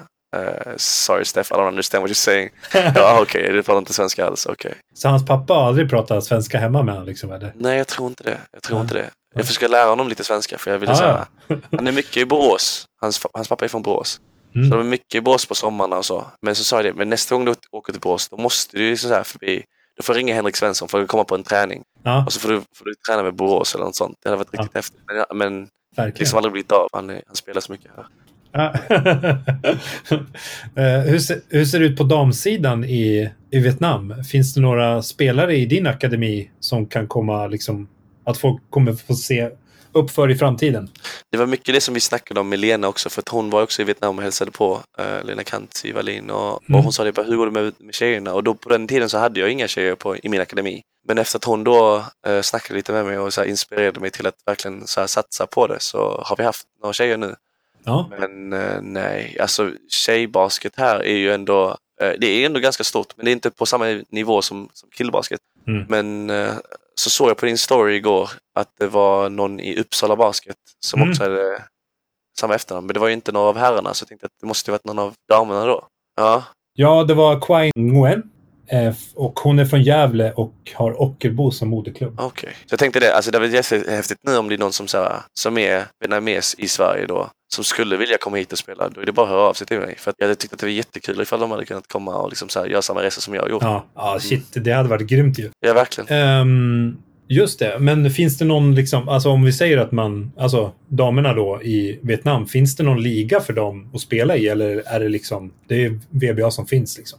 Nej, det finns ingen liga i så sätt. Utan, utan de har någonting som heter så National Tournament som händer två gånger per år som löper ungefär 20 dagar. Ja, Och då spelar de bara den där turneringen två gånger per år. Fast de tränar ju året om. Ja, så de okej. är, ja, fast de har inte, ja, de har inte någon, någon så här, eh, kontinuerligt liga som går året om. Nej okej. Så de flesta flyttar då, då till andra länder och spelar där som, om, om man är proffs från Vietnam. Liksom. Precis, precis, precis. Det, det finns kanske någon enstaka, men inte många. Alltså, nej. Nej. Hoppas det blir ändring på det i framtiden. Ja men verkligen, verkligen. Hade varit Det coolt. hoppas jag. Mm. Du har haft en del inflytelserika kvinnor i ditt liv och jag läste en intervju med dig, med, om det var från Fibas hemsida tror jag det var, där du di- dishade ut en assist till tre spelare i det svenska damlandslaget. Förutom att de är dina vänner och sådär, vad, vad exakt är det som du ser upp till med Amanda Sawi, Faria Abdi och Kalis Lloyd? Mm, jag kan väl börja med, med uh, Callisto. Det var ju mest för att uh, när, vi var, när jag var liten då och hon var ung talang och uh, man hörde mycket om Callisto att hon hade så här Jordan Rule uppe i Scania Cup. Och, då är hon ju också skåning och hennes pappa tillsammans med Malvas Basket hade ju en, en, en, vad heter det? en, en sommar, ett sommarläger som eh, jag åkte på någon, några gånger. Och eh, Callisto som var liksom största talangen från, från Skåne, alltså verkligen jätteödmjuk och jättetrevlig. Och då när inte jag liksom, ja, men, hade inte åstadkommit någonting, då var hon ändå jättetrevlig, jättesnäll och svarade på alla frågor om liksom college och liksom allt det här som hon ville göra. Och eh, liksom var jättetrevlig bara och jättegenuin. Och sen med åren då som, som eh, vi lärde känna varandra genom, genom basketen och jag spelade med Albas och hon var hemma och tränade över sommarna. Eh, då, samma, samma tjej, liksom, jättetrevlig, jättesnäll och på så vis så tycker jag hon är en jättebra förebild för, eh, för eh, oavsett om du är man eller kvinna eller tjej eller pojke eller, eller vad du än är på kill. Alltså, jättebra förebild Mm. för vilken basketspelare som helst. Faria är en jättebra vän till mig. Eh, jag, Faria och eh, Nathan Dawitt och Jonathan Persson. Alltså vi har ju hängt jättemycket i Fryshuset och, och liksom, ja, alltså varit jättebra vänner genom ungdomslandslagen och, och så. Så på så vis så har vi en bra relation genom, genom det. Och ja, vi har ju mycket gemensamt på alla plan med basket och intresse för ja, alla möjliga konversationer vi har på vår gruppchatt där.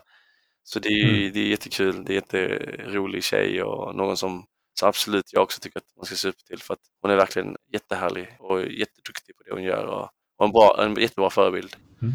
Eh, och Amanda Saui då som sagt, eh, hon har ju alltid varit jättecool tjej och någon som liksom är jätteduktig och eh, fortfarande är jättebra i USA med Women's NBA. Mm. Så på så vis så tycker vi, alltså, jag tycker, när, när jag fick den frågan då om eh, vilka tjejer som, eh, av FIBA då, av vilka tjejer som jag tyckte eh, jag såg upp till då, då, då valde jag de tre för att jag tycker verkligen de är jättebra förebilder för svensk basket men även eh, för vietnamesisk basket också och, och all basket runt om i världen för de representerar eh, sporten väldigt, väldigt bra. Verkligen. De är grymma förebilder.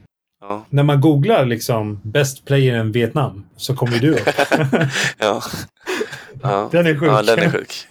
Och jag, också, jag fick reda det på det idag när jag hade mina 3x3-spelare då. Som vi spelade i 3x3 i uh, den här turneringen som gick till semi. Uh, då sa de ju det. Som coaches av number one 3x3 player in Vietnam. Och då sa jag det, va? Vadå? Är jag det? Jag bara, ja det är du. du. Du står första på rankingen. Jag bara, nej det kan inte stämma. Jag, jag har bara spelat två, tre turneringar. De bara, ja men du är först. Du har åt, så här, några tusen poäng. Ingen annan har haft det. Så jag bara, ja okej. Okay. det hade jag ingen aning om heller. Så jag, ja, då är man ju det också. Men det hade jag ingen aning om. Så, nej. men men tro, tror du liksom, om vi säger att du skulle börja spela igen, tror du att det är mest troligt att du kör 3x3 då eller? Ja, för det är, det är kortare ah. och, och, så. På så vis. Men ja, ja, det är lätt. Alltså, kan jag spela? Jag säger väl mer så här, kan jag spela uh, och ryggen inte gör ont, då, då kommer jag ju spela. Ah. Garanterat. Ah, okay. Men det är väl bara det att jag inte kan spela. Nej, jag det. fattar. Ah. Mm. Um, nu har ju du bott i Vietnam ganska länge och sådär. Tror du att du någonsin kommer flytta hem till Sverige igen? Jag fick den här frågan av min syster häromdagen. Jag visste inte vad jag skulle svara för jag vill inte göra henne ledsen. Men jag vill inte heller så här utesluta att jag inte skulle komma hem. För att jag kan ändå tänka mig att så här, flytta hem till Sverige och så här, skaffa familj och starta familj i Sverige i alla fall. För att det känns så tryggt att vara i Sverige. Mm. Inte för att det är otryggt här. Nej. Men det är väl mer bara att det känns ändå som att jag vill ha den omgivningen som jag hade själv när jag, var, när jag bodde i Ängelholm. Där man kan, ja men alltså där det finns massa möjligheter och det är jämställt för alla. Att man inte behöver vara jätterik för att gå till en bra skola. Att man inte behöver vara, eh, vad ska man säga, eh, se ut så här eller se ut så där för att få olika möjligheter. Mm. Eh, jag tycker ändå Sverige på så sätt är jättebra. Alltså även fast man läser mycket om att, att det är annorlunda på andra ställen. Men från min egen erfarenhet så tycker jag ändå att Ängelholm är ett alltså, jättefint ställe att och, och så börja eh, familjeliv på. Så det är väl det jag kan tänka mig i så fall, komma hem, settle down i, i Ängelholm. Mm. För mina framtida barn skulle då förhoppningsvis att jag mm. får. Uh, så det är väl det jag har haft i tankarna. Men att flytta hem nu eller de närmsta åren, det har jag inte faktiskt haft en tanke på. Jag förstår. Uh, du fick ju även vara med och pryda omslaget till modetidningen L. Hur gick det till och vad, hur, hur var Nej, det? men det var ju så sjukt. Tänk, det var ju det var, det, var, det var så sjukt för att det var bara någon som hörde av sig så på min telefon och det var inte genom min manager eller så utan det var bara någon som sa ja men du ska vara där på en, låt säga tisdag eller om det var någon, på klockan fem typ. Och så skulle jag dit och ta några foton och eh, det visade sig då att det var Elle magasin och nu när jag snackar om det så minns jag att alla andra fotosessions så var det Mm. alltid basketkläder och så här, basket, basket, basket. Men här var det ju då med, då fick man ju pryda sig med Gucci och så här jättehäftiga kläder. Och eh, jag visste ju om att det var L, men jag visste inte om att det skulle, att det skulle vara för de eh, åtta mest inflytelserika, eh, jag tror det var de åtta mest in, inflytelserika under Mhm. 30 eller så i eh, Vietnam. Och eh, då var jag bland de åtta mest inflytelserika, det, det förstår jag fortfarande fortfarande idag. Men eh, de tyckte ju det och då, då var det ganska häftigt nu när man tänker efter. Men då var det liksom bara, allt hände och så, så körde man bara och sen så, nu så har man kvar den tidningen och jag tror det är större grej för alla andra men jag, jag tror inte det kommer sjunka in i mig förrän, förrän jag liksom kollar tillbaka på det när jag är mycket äldre typ. Tror jag. Men eh, alltså vi på Courtside-podden är ju som sagt sjukt glada över att få intervjuat dig och lärt oss massor om hur basket ser ut i Asien och sådär. Och eh, jag tänkte bara kolla innan vi rundar av liksom, om det är någonting du tycker att vi borde ta upp eller liksom, känner du att du har svarat på det mesta? Jag tycker väl kanske att eh, det är mycket, jag har sagt det mycket till, till, så här, till Kahili, till Felix Levetti, till, eh, till andra killar också. Liksom, så här, att det är mycket fokus och mycket så här, eh, att man kan ta sig till, absolut, sikta alltid på NBA, sikta alltid på det bästa du kan. Men vet även av att ditt värde av den du är eller där ditt heritage är, dina föräldrar kommer ifrån, att det finns en helt annan värld av basket som också går att uppleva som är riktigt häftig, som jag har gjort. Mm. Och jag tror att det finns mycket av det, för jag minns att Kassim åkte till Uganda och spelade lite. Ja. Och så här, alltså det finns någonting i det också som är riktigt häftigt. Eh, så alla som lyssnar på det, jag tycker bara att liksom så här, ge inte upp drömmen om basket bara för att man inte tar sig till NBA eller till Euroleague eller så, utan alltså har man då någon sån unik eh, heritage, Ja. ta reda på det och verkligen så här, försök. För man vet aldrig liksom, alltså, som jag, jag hade ingen tanke på det, att det skulle bli, alltså att, att mitt liv när jag startade spela i ärlighet, jag skulle spela i, i Vietnam och leva här och leva det livet jag lever nu. Eh, det tänkte jag aldrig liksom. Och få göra courtside på den och liksom dela med mig av det. Men jag tycker ändå liksom att alla som lyssnar på det, att, alltså att du har ändå, jag tror ändå att det finns många som har den möjligheten att göra det i, i, i det basketlandskapet vi har i Sverige idag. Mm. Med mycket, ja alltså föräldrar från olika länder så, så att säga. Så jag sa det till Samir också, och att åka till Irak och jag sa det till, till alla, liksom att det är så häftigt att, att kunna göra det. Men nu säger jag inte att alla kommer vara det som, som, så som jag upplevt det, men jag tycker ändå man ska, man ska i alla fall kolla upp möjligheten till det. Det tycker jag. ja, häftigt. Eh, Stort tack för att du ville vara med och dela med dig. Ja, tack så mycket. Tack för att, tack för att jag fick dela med mig. Ja, lycka till med akademin och allt spännande som du har på gång. Absolut, absolut. Tack så hemskt mycket och jag, jag, hoppas, jag hoppas det blir ett bra episod för er. det tror jag definitivt.